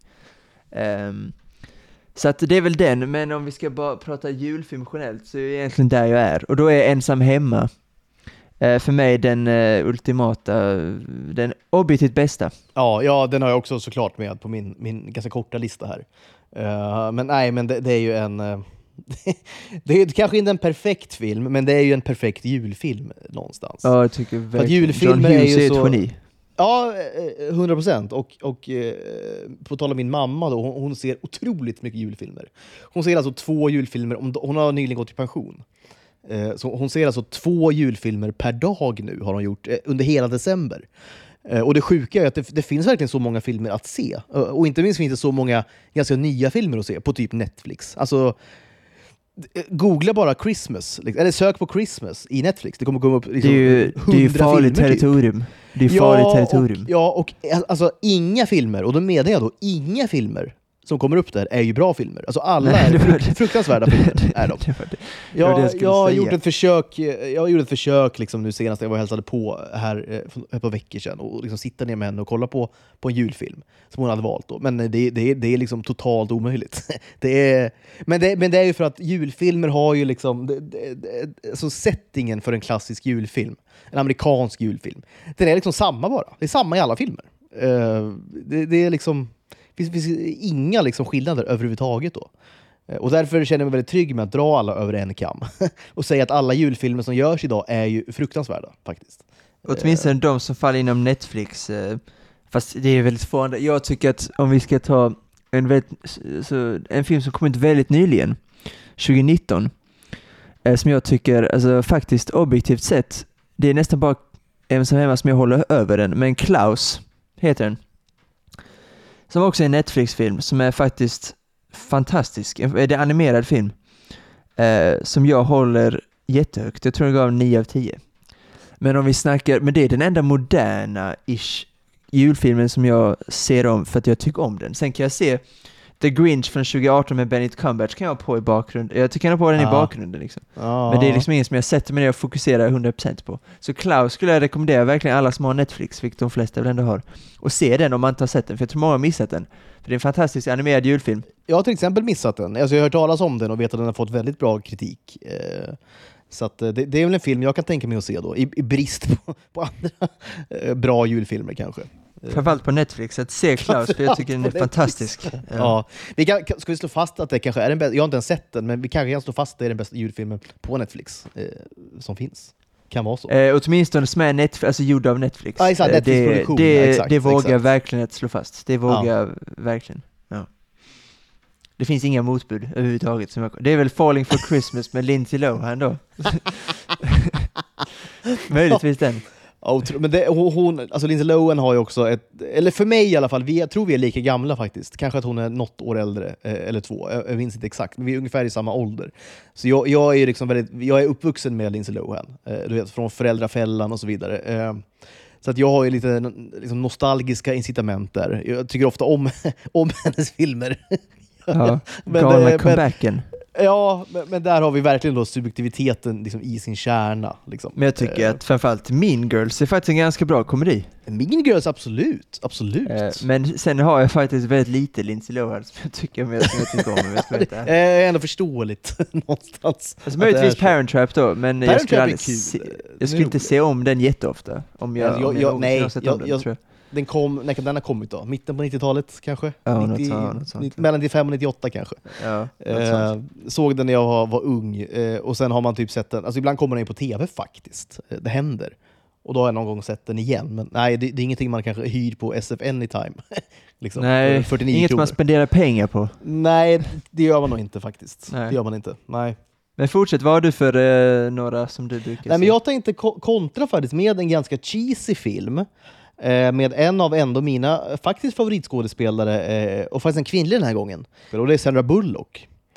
Eh, som jag tycker är väldigt fin. Och hon gjorde en film, du kommer höra nu på, på, på cast, det här är nog en film som du aldrig, du kanske inte har hört talas om den här filmen, faktiskt. Inte, omö- inte omöjligt. Eh, en film hon gjorde då, eh, jag tror, eh, 95 tror jag den kom, eh, med Bill Oj. Pullman. While Ja. you were sleeping. Eh, Ja, jo, jag har hört talas om det, fast jag, ja. jag har absolut inte sett den. Nej, eller Medan du sov, som, som jag är uppvuxen med att den heter eh, på svenska. då. Nej, men det handlar ju om, om Sandra Bullock då. eh, det, det är en Christmas, alltså julsetting är det ju. Eh, ganska mysig liksom romcom. Lite grann i samma kanske, eh, tycker jag, samma, samma egentligen eh, härad som typ Notting Hill, som är kanske min favoritkomedi. Kanske inte någonsin, men topp fem alla gånger faktiskt. Jag älskar den filmen. Eh, så det, det är en liten sån film som jag kanske inte tror att så många har sett. Vet heller inte var man hittar den här filmen. Eh, det, det är liksom inte household eh, på det Nej, sättet men jag tror jag sett typ den på, jag har sett den på Netflix. Ja, den kanske finns Eh, där, det är inte omöjligt och Eh, sen vet jag inte om den är där nu, men den har funnits på Netflix i varje fall, det är jag säker på. Ja, men då kan man göra ett försök och, och hitta den där då, om man är sugen på, på lite Sandra Bullock. I sin prime då såklart, 95. Samma år Efter tror Speed, jag som, precis. ja exakt, som Speed och, och sådär. Det var ju verkligen hennes decennium var det ju. Men eh, på tal om du sa där om setting, för mig är det väldigt viktigt. Alltså hur, det, för mig handlar det inte så mycket om, förutom Ensam Hemma och typ Klaus, så tycker jag det är väldigt få julfilmer som är objektivt väldigt bra. Jag skulle säga att de flesta är bra eller okej. Men det viktigaste är liksom inte att de är bra, men de ska vara rätt mysiga. Och eh, då har jag, för mig, Ebenezer Scrooge, den ultimata julberättelsen. typ så. Ja, visst. Dickens Och då tycker jag eh, att och Robert, så vidare, ja. Robert Zemeckis version av 2009 med Jim Carrey är Mm. perfekt som en julfilm då. För Mm. den, den får mig in i, jag tycker om animationen med stop motion, den får mig in i julstämning. Jim Carrey är jättebra som Scrooge. Ehm, och på tal då Zemeckis och stop motion så är Polar, Ja. Polarexpressen också en favorit. Ehm, som jag tycker jättemycket om att se på jul. Det är, det är bara man kommer in i stämningen och Tom Hanks röst är också såklart Exakt, fantastisk. skulle komma in Ja. på det, den är otrolig. Är den. Ja. Eh, och sen, eh, något som jag inte tycker lika mycket om, men den funkar ändå, kom in i julstämning, är eh, How, to Sto- How the Grinch Stole the Christmas med Ron Howard och Jim Carrey. Ah, Inte Ah. så bra obje- objektivt, jag tyckte mer om den när jag var liten, men... Eh, det är ju lite barnfilm är det ju. ja, Måste lite, man säga. Lite, ja. den, är, den är lite mer, jag tycker också om den, liksom. det gör jag verkligen, men den är lite mer svårtuggat kanske när man har blivit lite till åren. Eh, Ja, men jag, ty- vet, det, det ser liksom ut, lite som Hook, jag älskar Hook med Spielberg. Ja, det var typ men- min favoritfilm när jag växte upp. Alltså jag ja, älskade men det är åt, eh, Jag ja, har sett jag den också. 20 gånger den filmen. Men, Ja, men jag- eh, skulle jag sätta på den idag? Eh, nej, det Eh, jag Hook, inte. Hook, Hook, Hook ser jag om varje år. Är det Varje sant? Thanksgiving. Ja, Det är, en sant. sån film du... Ja. Okej, Ja. intressant alltså. Eh, men inte för jul, utan mer för Thanksgiving-tid. ja, just det. Precis, men, men vad jag skulle säga om Hook, som min, mitt enda negativ med Hook är ju att det ser verkligen ut som ett set. ja, Det ser verkligen, det ser, det ser Ja. inte ut som Neverland. Och det är lite Grinch också för mig. Det ser verkligen inte ut som Whoville eller vad den heter, Nej, det är väldigt uppbyggt, eh, tydliga kulisser och så vidare. Ja, det, verkligen. Ja, så, och det funkar inte riktigt för mig. Jag kommer ut i det snabbt då. ja. Eh, The Grinch då med Benedict Cumberbatch är också en sån helt okej, alltså hä- ändå härliga på i bakgrunden typ. Ehm, Love actually eh, tycker jag lite spottas på lite väl mycket. Återigen, det är väl Filip och Fredrik som tycker det är den mest överskattade filmen som eh, har gjorts och så vidare. Jag vet- ja, förmodligen. Men jag, jag, jag tycker inte att de har jättemycket kött på benen där faktiskt. När de säger Nej, jag tycker inte heller, grej. för de, Jag tycker, de tycker också Notting Hill, din favorit Notting Hill har med på samma, samma Ja, nej, men exakt. Det säger ju allt då. det säger Ja. ju allt såklart. Jag tycker, Nej, men jag, det, jag, det, tycker det, det, är en, det är en habil film, tycker jag verkligen att det är. Tycker jag. Jag tycker det är en bra film, eh, 7 av 10, men på jul ska jag nästan säga att den blir 8 av 10, för den, man får stämningen, det är ju en otrolig cast, eh, får man ju säga. Eh, alltså det är verkligen måste ha varit väldigt dyr alltså, film att spela in, alltså. det måste ha varit fruktansvärt eh, dyr film. Måste Ja, herregud. Eh, Hugh, Hugh Grant och Alan Rickman och Emma Thompson, på tal om kvinnliga skådespelare, Emma Ah. Thompson är nog en av mina favoriter. Fantastisk. Ehm, fantastisk. Eh, Billy Bob Thornton som amerikansk president. Och på tal om honom så Bad Santa kan vi bara säga snabbt, jag såg den igår. Ja. Den, den är ju fantastisk. Eh, Och så Måste åtta och en väl halv av nämnas tio. här. Ja, det måste den ja, verkligen måste, göra. Ja, såklart. Man kommer inte riktigt i julstämning, men ändå lite grann. Eh, Ja, lite grann. Lite grann. Nej, allt Billy Bob Thornton gör någonstans måste in på någon sorts lista. Ja, det ja, vi- vi får en egen Billy Bob Thornton-lista sen. Men Love actually då, det är några, alltså jag, Bill Nyes karaktär, alltså den här, alltså som gör den här låten, bara en otroligt charmig person får man inte säga, artist. Eh, som är helt obrydd. Och sen Colin också då, the God of Sex, som han hävdar att han själv är. Det, det finns ändå mycket mysigt, jag tycker det är en väldigt mysig Ah. julfilm. Jag skulle, jag tycker inte jag tycker även den är en helt okej romantisk komedi i övrigt.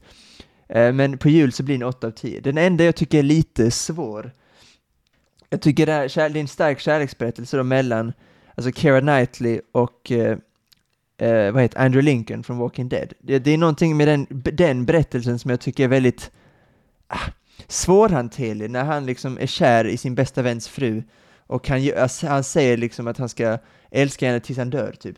Det, Ja. det blir en väldigt, kon, en väldigt konstig relation och jag, vet- jag vet Nej, inte, hur jag, är det jättevackert eller är det bara konstigt? Jag vet inte. Nej, det, det är Eh. ju det är uselt är det ju egentligen. Det är väl det är väl där det är. Sen är det ju Eh, cinematiskt väldigt fint när han står där med eh, Silent Night och drar sina kort. Det är väldigt cinematiskt och det är, en, det är en väldigt fin scen på det sättet. Men om man tänker Ja. ett par varv så vet, alltså man sätter sig själv in i den situationen som antingen honom eller eh, hennes man så är det en väldigt Nej, konstig situation. är väldigt problematisk eh, är det ju, eh, side story liksom. Det är väldigt, väldigt problematisk är den. Det är den enda egentligen historien då. Den med Alan Rickman och Emma Thompson är väldigt fin, klassisk med hans assistent och liksom sätt han sjabblar bort sig på. Eh, och även med Colin Firth, liksom, som jag tycker är väldigt rolig, spelar, jag tycker han är en väldigt bra skådespelare. Han tappar ut hela sin bok i, eh, i havet och han blir kär i en person som han inte ens förstår språket på. Det, det, Nej. det är mycket mysigt där, det är egentligen bara Han- den här Andrew ja. Lincoln-grejen som jag tycker är Ja. problematisk minst sagt. Colin Firth är Eh. otrolig på att spela liksom, så att de, de, tafatta Ja, personerna lite grann. Lite Felix alltså. Herngren. Får. Ja, lite, kanske, ja, kanske Englands Filip Herngren då. Kanske, kanske Vi ska väl också säga att han har lite mer range än vad Felix Herngren har. Alltså han, kan spela, han kan också Ja. spela George den femte i King's Speech och vinna Oscar. Exakt. Det Ja. hade, äh, Felix Herngren hade inte kunnat spela kungen. eh, Nej, det hade Han inte kunnat. Det Nej, hade det hade inte flugit tror jag. Nej. Och sen den Men enda jag jag, vill... Men jag ska bara Ja, säga kör, en kör, kör. innan du Ja. kör dina, för då är en som Ja. jag, du kanske har med på din lista då, A Christmas Story. Eh, Har inte med den, men eh, visst, visst. Kör på det. Visst. Det är också så här jul, alltså amerikansk, för det är den, den och en som är hemma när du säger amerikanska julfilmer. Då vill jag ha stort, stort hus, stora familjer, härlig musik. Jag vill liksom inte ha den här romantiska komedin som förmodligen Falling for Christmas är. Det blir inte riktigt min, det är inte riktigt min grej. Det här moderna USA. Men det är Nej, liksom, precis. Man ska vara dejt, utan det ska vara stora familjer, 90-tal helst, eller 80-tal i det fallet. Ja. Eh, och det, det, det är de filmerna jag brukar se då. Harry Potter, Christmas Carol, Polar Express, Ensam hemma, Elf såklart glömde jag ju nu, med eh, Will Ferrell. ja, ehm, den har jag med på min lista kan vi Ja, säga lite det. snabbt. Då får du det, det börja säga då film, Elf. Ja, kan börja säga. Det är också en film vi kanske då i Bad Santa eh, liksom anda kan, kan nästan gå lite fort förbi för att jag tror den, det är en film som är på väldigt mångas eh, eh, lista över bästa julfilmer. Ja, det är ju Will Ferrell som också, det är, jag, har, jag har för många favoriter hör jag nu, jag säger om varje skådis, det är en favorit säger jag. Men, men eh, jag, tycker han är, jag tycker han är väldigt, väldigt rolig och eh, väldigt liksom, unik i sitt, liksom, vad ska man säga, Uttryck. scenspråk och så vidare. Ja, uttryck, ja. uttryck är ett bra ord. Ja, det får säga. Eh, och, och, det, och det är en film som man tyckte väldigt mycket om när man var liten, men som man då eh, är lika bra idag, när man Ja. är liksom 30 plus. eh, Är den. Gissa om, jag är en väldigt sjuk människa och gissa om jag har testat den här pastan med glass och eh, ja, vad mer som finns på den. Sirap. Ja, det kan, det kan jag verkligen tänka mig att du har gjort. Hur, eh, hur blev resultatet? Ja, men jag, jag, på, på tal om att jag är sjuk så Gott. tycker jag heller inte att det var... jag tyckte inte det var vidrigt, sen hade jag kanske inte ätit det för det känt, det är en sockerchock utan dess like. Eh, så att, eh, men alltså inte helt, alltså det går ju att äta såklart. Eller såklart, det, det, han spydde ju första gången enligt legenden. det- Kanske inget jag har på min liksom, veckomatsedel. Nej. Den, är inte med, den, den är inte med på Linas matkasse, Nej, det är den inte. Förmodligen Nej. inte. förmodligen inte. Det är liksom riktig wildcard, så här mystery box. får, man hem, får man hem receptet till den då? Det hade varit, hade varit något alltså. Då hade jag signat upp för den äckliga matkassen som... eh, Ja, men det, hade, det hade verkligen haft någonting. Det hade det haft. Ja, hade verkligen. Ja, verkligen. Alltså, matlista då, eller matsedel över... eh, En vecka då, ska man äta då mat som är känd från film? Ja, Eh, varför inte liksom? nej varför inte? Det kanske, kanske är en annan lista vi ska ha framöver då. Favorit, eh, liksom, filmer med tydliga matinslag. Det är en väldigt spännande lista. Det Det, det krävs lista nästan... jag. ja, det är en rolig lista. Det krävs framförallt mycket research där känner jag. Arbete. Ja, det gör det. Det gör det verkligen. Det är, det är inget man drar ur röven liksom, en sån lista. Nej, men det är ett arbete som jag ser fram emot att göra på något sätt. Men fortsätt med dina julfilmer. Jag är ändå lite nyfiken på vad folk... eh, Det här Sandra Bullock piggar ändå upp lite. Eh, lite grann. Jag, har, jag har egentligen bara en här som jag vill nämna, och det är, det är också en, det är kanske en självklar, det är lite illa actually liksom anda också, och det är ju The Holiday. Eh, som på samma sätt som Love actually egentligen har, den, jag vet inte, det är lite vattendelare upplever jag ändå att det är, men, men där majoriteten ändå tycker att det är en bra film. Och kanske till och med en väldigt bra film. Eh, och jag, jag tycker den liksom, det, det, det är för mig en, kanske inte perfekt julfilm, men, men det är absolut en, en, liksom en, en eh, 7,5, kanske 8 av 10 film. Eh, när man då pratar, inte kanske som generell romcom, det kanske den hamnar på en sjua. Men när man, när man har då den här settingen och så vidare, och det är holidays och, och du vet, eh, man reser lite och sådär. Så tycker jag att den är, eh, den är eh, verkligen passar på en sån här lista, tycker jag, över, över julfilm. Jag tycker också det, det är en perfekt cast. Kul också att se Jack Black i en liksom inte helt urspårad roll. Han får ändå visa lite range tycker jag. I den här Verkligen. filmen. Och, och Verkligen. tycker han gör det med den äran faktiskt. Ja. Ja, absolut. Du är, Så skep- jag, jag, du är jag lite, lite skeptisk. Nej okej, du köper den. Eh, ja, Nej, men jag kul. köper den. Jag, är inte Ja. helt, jag tycker också det är en här 7 av 10 film. Och jag köper, och jag tycker, jag gillar också Kate Winslet, eh, Jude Law och framförallt då Jack Black. Eh, eller framförallt Jude Law kanske, men också Jack Black.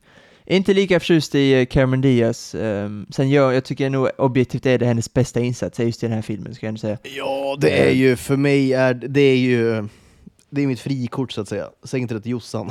Men det är, jag, jag, Det- jag såg henne i The Mask första gången. Det kom 94 tror jag. Det var också sex år gammal. det. Åh gud, Och, det är alltså, en Cameron dålig som Diaz- sexåring. Ja, man fick väldigt dåliga tankar, fick man. Eh, Men, men eh, alltså Cameron Diaz i The Mask, och liksom Cameron Diaz liksom 94, eh, det är, ju, det är ju det snyggaste som någonsin har gått på den här, kanske den här jorden. Eh, Men det köper jag, det är absolut. Sen absolut, Det det, köper det, det är en stor skillnad då mellan att vara vacker och vara en bra skådis. Det ska gudarna Ja, veta. det är lite, det, det var lite Eh, den uh, gränsen jag ville. Att hon är Ja. vacker håller jag absolut med om, men att eh, hon är en jättebra. Nej. Men sen tycker jag inte hon är dålig heller, men jag tycker att hon är en, framförallt i den ensemblen då med Jude Law, Jack Black och Ka- Kate Winslet så tycker jag att man märker att hon, eh, Nej, det, Eh, är verkshöjden av klart. Ja, verkshöjden är klart. Det är absolut. Och rent objektivt köper jag det. Subjektivt köper jag det inte alls. nej det, eh, det är dummaste jag sagt tycker du? rent subjektivt var det korkade du har sagt någon gång. Eh, Ja. Men rent objektivt var det, var det väldigt liksom, rimligt sagt ändå, Ja, tycker jag. verkligen. Ja. Eh, vad, vad har du kvar då på din, på din lista? Nej men jag tänker, alltså lite såhär guilty pleasure, du som också kommer från 90-talet, J- eh, Arnold Schwarzenegger är alltid härlig, Jingle All The Way. Eh, ja, Det är, en, det är en väldigt dålig film, tycker Ja. jag så objektivt, men som julfilm tycker jag ändå den funkar. Det är en härlig stund framför tvn. Otroligt förutsägbar såklart, väldigt många tveksamma insatser, framförallt då från Arnold själv, får man väl säga. Eh, Men det, han är karismatisk, minst sagt, och ja, bara se Arnold Schwarzenegger leta efter en julklapp, det, det räcker för mig nästan eh, en Ja. jul, alltså såhär 1,25. Så att eh, som julfilm så hade jag absolut kunnat sätta på den och, och kolla på den. Ja, nej, men jag tycker, alltså, alltså Arnold Schwarzenegger är klart, liksom, det, han gör ju mycket, alltså, eh, objektivt om vi säger det igen då, väldigt dåliga filmer. Men jag tycker de också de är sevärda. Den här tycker jag är rolig, Dagisnuten om du minns den, är också Ja, just väldigt det. konstig Kindergarten film. Cop, Men det tycker jag är helt okej. Ja, verkligen. Och, ja, ja. Twins tycker jag är väldigt rolig, med han och Ja, jag DeVito. också. också men så här, han, har, han har ju den liksom, verkligen den genren gjorde han ju under kanske eh, 15-20 år, var det bara sådana filmer. Eh, så att, ja, ja, absolut. När det är jultid och så vidare kan man absolut slå på, på klappjakten, tror jag den heter på svenska. Ja, något sånt. Ja, det är sjukt. Alltså filmer, filmer från 80 och 90-talet som har översatts till svenska, det är alltid liksom hädiska översättningar. Är det ju. Ehm, The Santa Claus också med Tim Allen eh, tycker jag också är sevärd. Eh, Mm.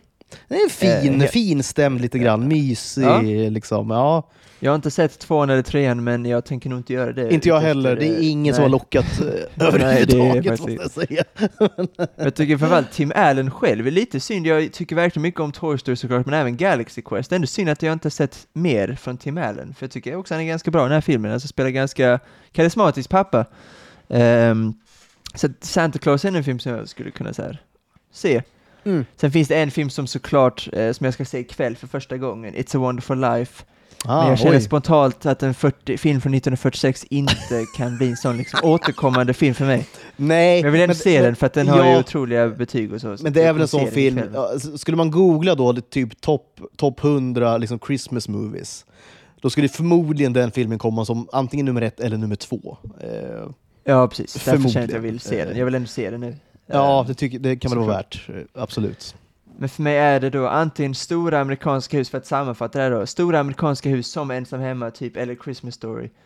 Eller då eventuellt, eller framförallt för mig då, Scrooge-berättelse typ. Alltså, eller Grinch för all del, men även framförallt Ebenezer Scrooge och A Christmas Carol. Det, jag hade gärna sett en ny filmatisering eh, av en eh, A Christmas Carol då. Jag, jag älskar Charles Dickens och jag tycker om den eh, boken också, men framförallt filmen och även eh, A Christmas Carol och, och Polarexpressen. Det är två animeringar som, animationer som verkligen får mig att eh, komma in i julstämning, som också är ganska mysiga på sin sätt. Framförallt Semekis, det är någonting med hans kreativa hjärna och stop motion som och jag också tycker är väldigt härlig bara.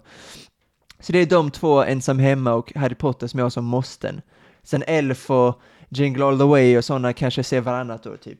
Um, men det är väl de eh, tre plus Harry Potter då som jag ser varje år. Det är, Ja, de är måsten precis. på Ja. Och Die exakt. Hard ska vi kanske säga också. Nej, jag tycker inte vi ska säga det. mig- Tycker inte vi ska säga det. Kan vi inte liksom låta den vara utanför våran julfilmslista? Den nämns ju på Det alla också. listor. Eh, Jag tycker också Die Hard, det går ju alltid på typ TV6. nej, men det går, Eh, ja, alltså, va, på- på typ juldagen. Exakt. Ja, verkligen. Eh, verkligen. Det går Alltså jämt. det. vi firar Eh, julafton, juldagen händer ingenting. Då känner jag att på juldagen kan jag sätta mig och kolla, alltså postjul, och anamma den amerikanska julen, då kan jag se på Die Hard. Och om jag då, oj shit vad bra, vilket jag alltid ser, så kan jag även se tvåan och trean och till och med fyran. Uh, så att, eh, den Die Hard-franchisen har jag sett så otroligt mycket, för att jag bara, men jag vill se tvåan och trean och fyran också. Femman har jag bara sett en gång. Såklart. Ja, exakt. Nej men det är ju habila Aldrig filmer, liksom sådär. Men, men jag är lite trött på att den alltid ska bollas upp. Framförallt är jag väldigt trött på att den alltid ska visas på liksom sexan eh, kring Ja. Eh, alltså alltid. sexan. Det, det har den gjort i 20 år säkert. Liksom. Alltså på, på riktigt 20 år. Eh, varje jul har den visats där. Eh, Men jag tycker vi ska nämna det, för, men jag tycker synd att det har blivit en julfilm, för det är en väldigt bra actionfilm. Alltså, ja, det är en överlag. actionfilm. Alltså som actionfilm tycker jag den, den kan nämnas. Det är just att den har fått den här julfilmstämpeln som är så himla märklig liksom, Ja. egentligen. Ja, ja, men, Eh, men om jag skulle haft en lista på 10 så skulle jag nog inte ens ha med Die Hard. Möjligtvis som så här 10, om jag hade inte kommit på något bättre. Men eh, annars hade jag inte haft, för den får mig inte liksom i julstämning Nej, alls. verkligen inte. Man, det är bara en, det är bara en liksom, kul film. Alltså, det, det är en film att, se en fredagkväll liksom, med popcorn och liksom uppskatta en, en, Uppskatta- en, en Bruce Willis i sin prime. eh, Och Ja. kan bli lite Ja, ledsen då samtidigt nu när, när han absolut inte är i sin prime utan är tyvärr då eh, ganska sjuklig vad det verkar. Eh, och, och har liksom klivit, klivit, klivit från rampljuset. Eh, vilket tror jag var bra och time eh, för det. Ja, framförallt så hade han ju också slutat sin karriär med att göra väldigt många dåliga filmer. Så att, eh, det känns som att det var bra att, även om det var sorgliga omständigheter, så var det ändå bra att det tog slut någonstans. Det är bra för hans legacy. Han har gjort så eller, det är fr- fruktansvärda filmer har han gjort. Jag, jag gissar att det är pengar, sju år för att annars finns det ingen anledning för honom att tacka ja till sådana. Han gör typ fem, sex actionfilmer om året typ. Eh, Ja, men exakt. allt. Ja, ja, visst. Nej, men, eh, han har liksom utnyttjats egentligen av filmstudios och regissörer och så vidare. På, på ett ganska oetiskt sätt kan jag tycka, bara för att vara ett affischnamn då. Eh, för, deras då otroligt dåliga B-filmer, för det är ju tyvärr vad han har spelat in de senaste åren. Det är liksom B-filmer. Eh, vä väldigt dåliga filmer är det. Svaga. Han var ju med, han var med i Looper 2012. Ja, men det, det är väl Eh, kanske det sista bra han gjorde. Eh, Kan det vara det liksom för tio år sedan? Alltså han var ju med i Glass då 2019, M. Night Shyamalan, eh, trilogin där med Unbreakable, Split och sen Glass, men... eh, Ja, men det var jag för att han inte var är med liksom från heller, början där. Men det är okej. Ja, Ja, precis, han var ju med, ja, precis. exa- exakt. Unbreakable Emilia är så ju är det Looper fantastisk 2002. film. Ja. Ja, verkligen. Split också. Då är han inte med i och för sig, men eh, jo, han är med på slutet, just det, han är med i den scenen. Ja, han är med, precis. Ja, lite grann. Sen Glass är ju, Glass är ju väldigt, är nog ganska bra tycker jag fram till de sista tio minuterna. Ehm, så att eh, jag ska inte säga det, men det, som sagt, det är för att han är med i en trilogi. Men 2012 Looper, ja sen får man faktiskt, han är med väl i eh, den här Planet Terror 2007. Men eh, du, du hör ju att man får gå liksom var femte år för, för att hitta Ja, något men speciellt. lite så. Ja, men exakt. Och det, alltså mycket tyder på att han varit sjuk ganska länge kanske. Ja, det måste han ha varit. Så Tyvärr. Eh, och det, det, ah, det, det är liksom ett lite ovärdigt avslut att han kanske tvingades göra, mer eller mindre, de sista filmerna han gjorde. Så att eh, man kan, man kan väl uppskatta då Bruce Willis i sin prime och se en, en Die Hard till exempel nu till jul. Det kan man väl kosta på sig. ja, just i år kanske vi kan göra det då. Ja, just i år kan vi det kosta på oss För jag det. ser den ju på sexan, så att eh, jag, jag kommer jag Ja, det kommer går ju ändå där, så att, ska man Ja, göra då? Liksom? Exakt. En men bra kul, lista. Malte. Ja, jättebra lista. Jag hoppas eh, ni eh, lyssnare uppskattade då de här två listorna vi bjöds på idag faktiskt. Kul ju. Mm. Eh, matigt. Vi får se vad vi återkommer för lista nästa gång vi ses. Och det blir väl då strax efter jul, mellandagarna någon gång. Får det ju bli. Ja, så får det bli. Ja. Ja. Och till dess får du Malte ha det så himla bra. Ni som lyssnar får ha det eh, också jättebra. God jul på er. Så hörs vi snart igen. Jag får verkligen säga god jul. Ciao tutti!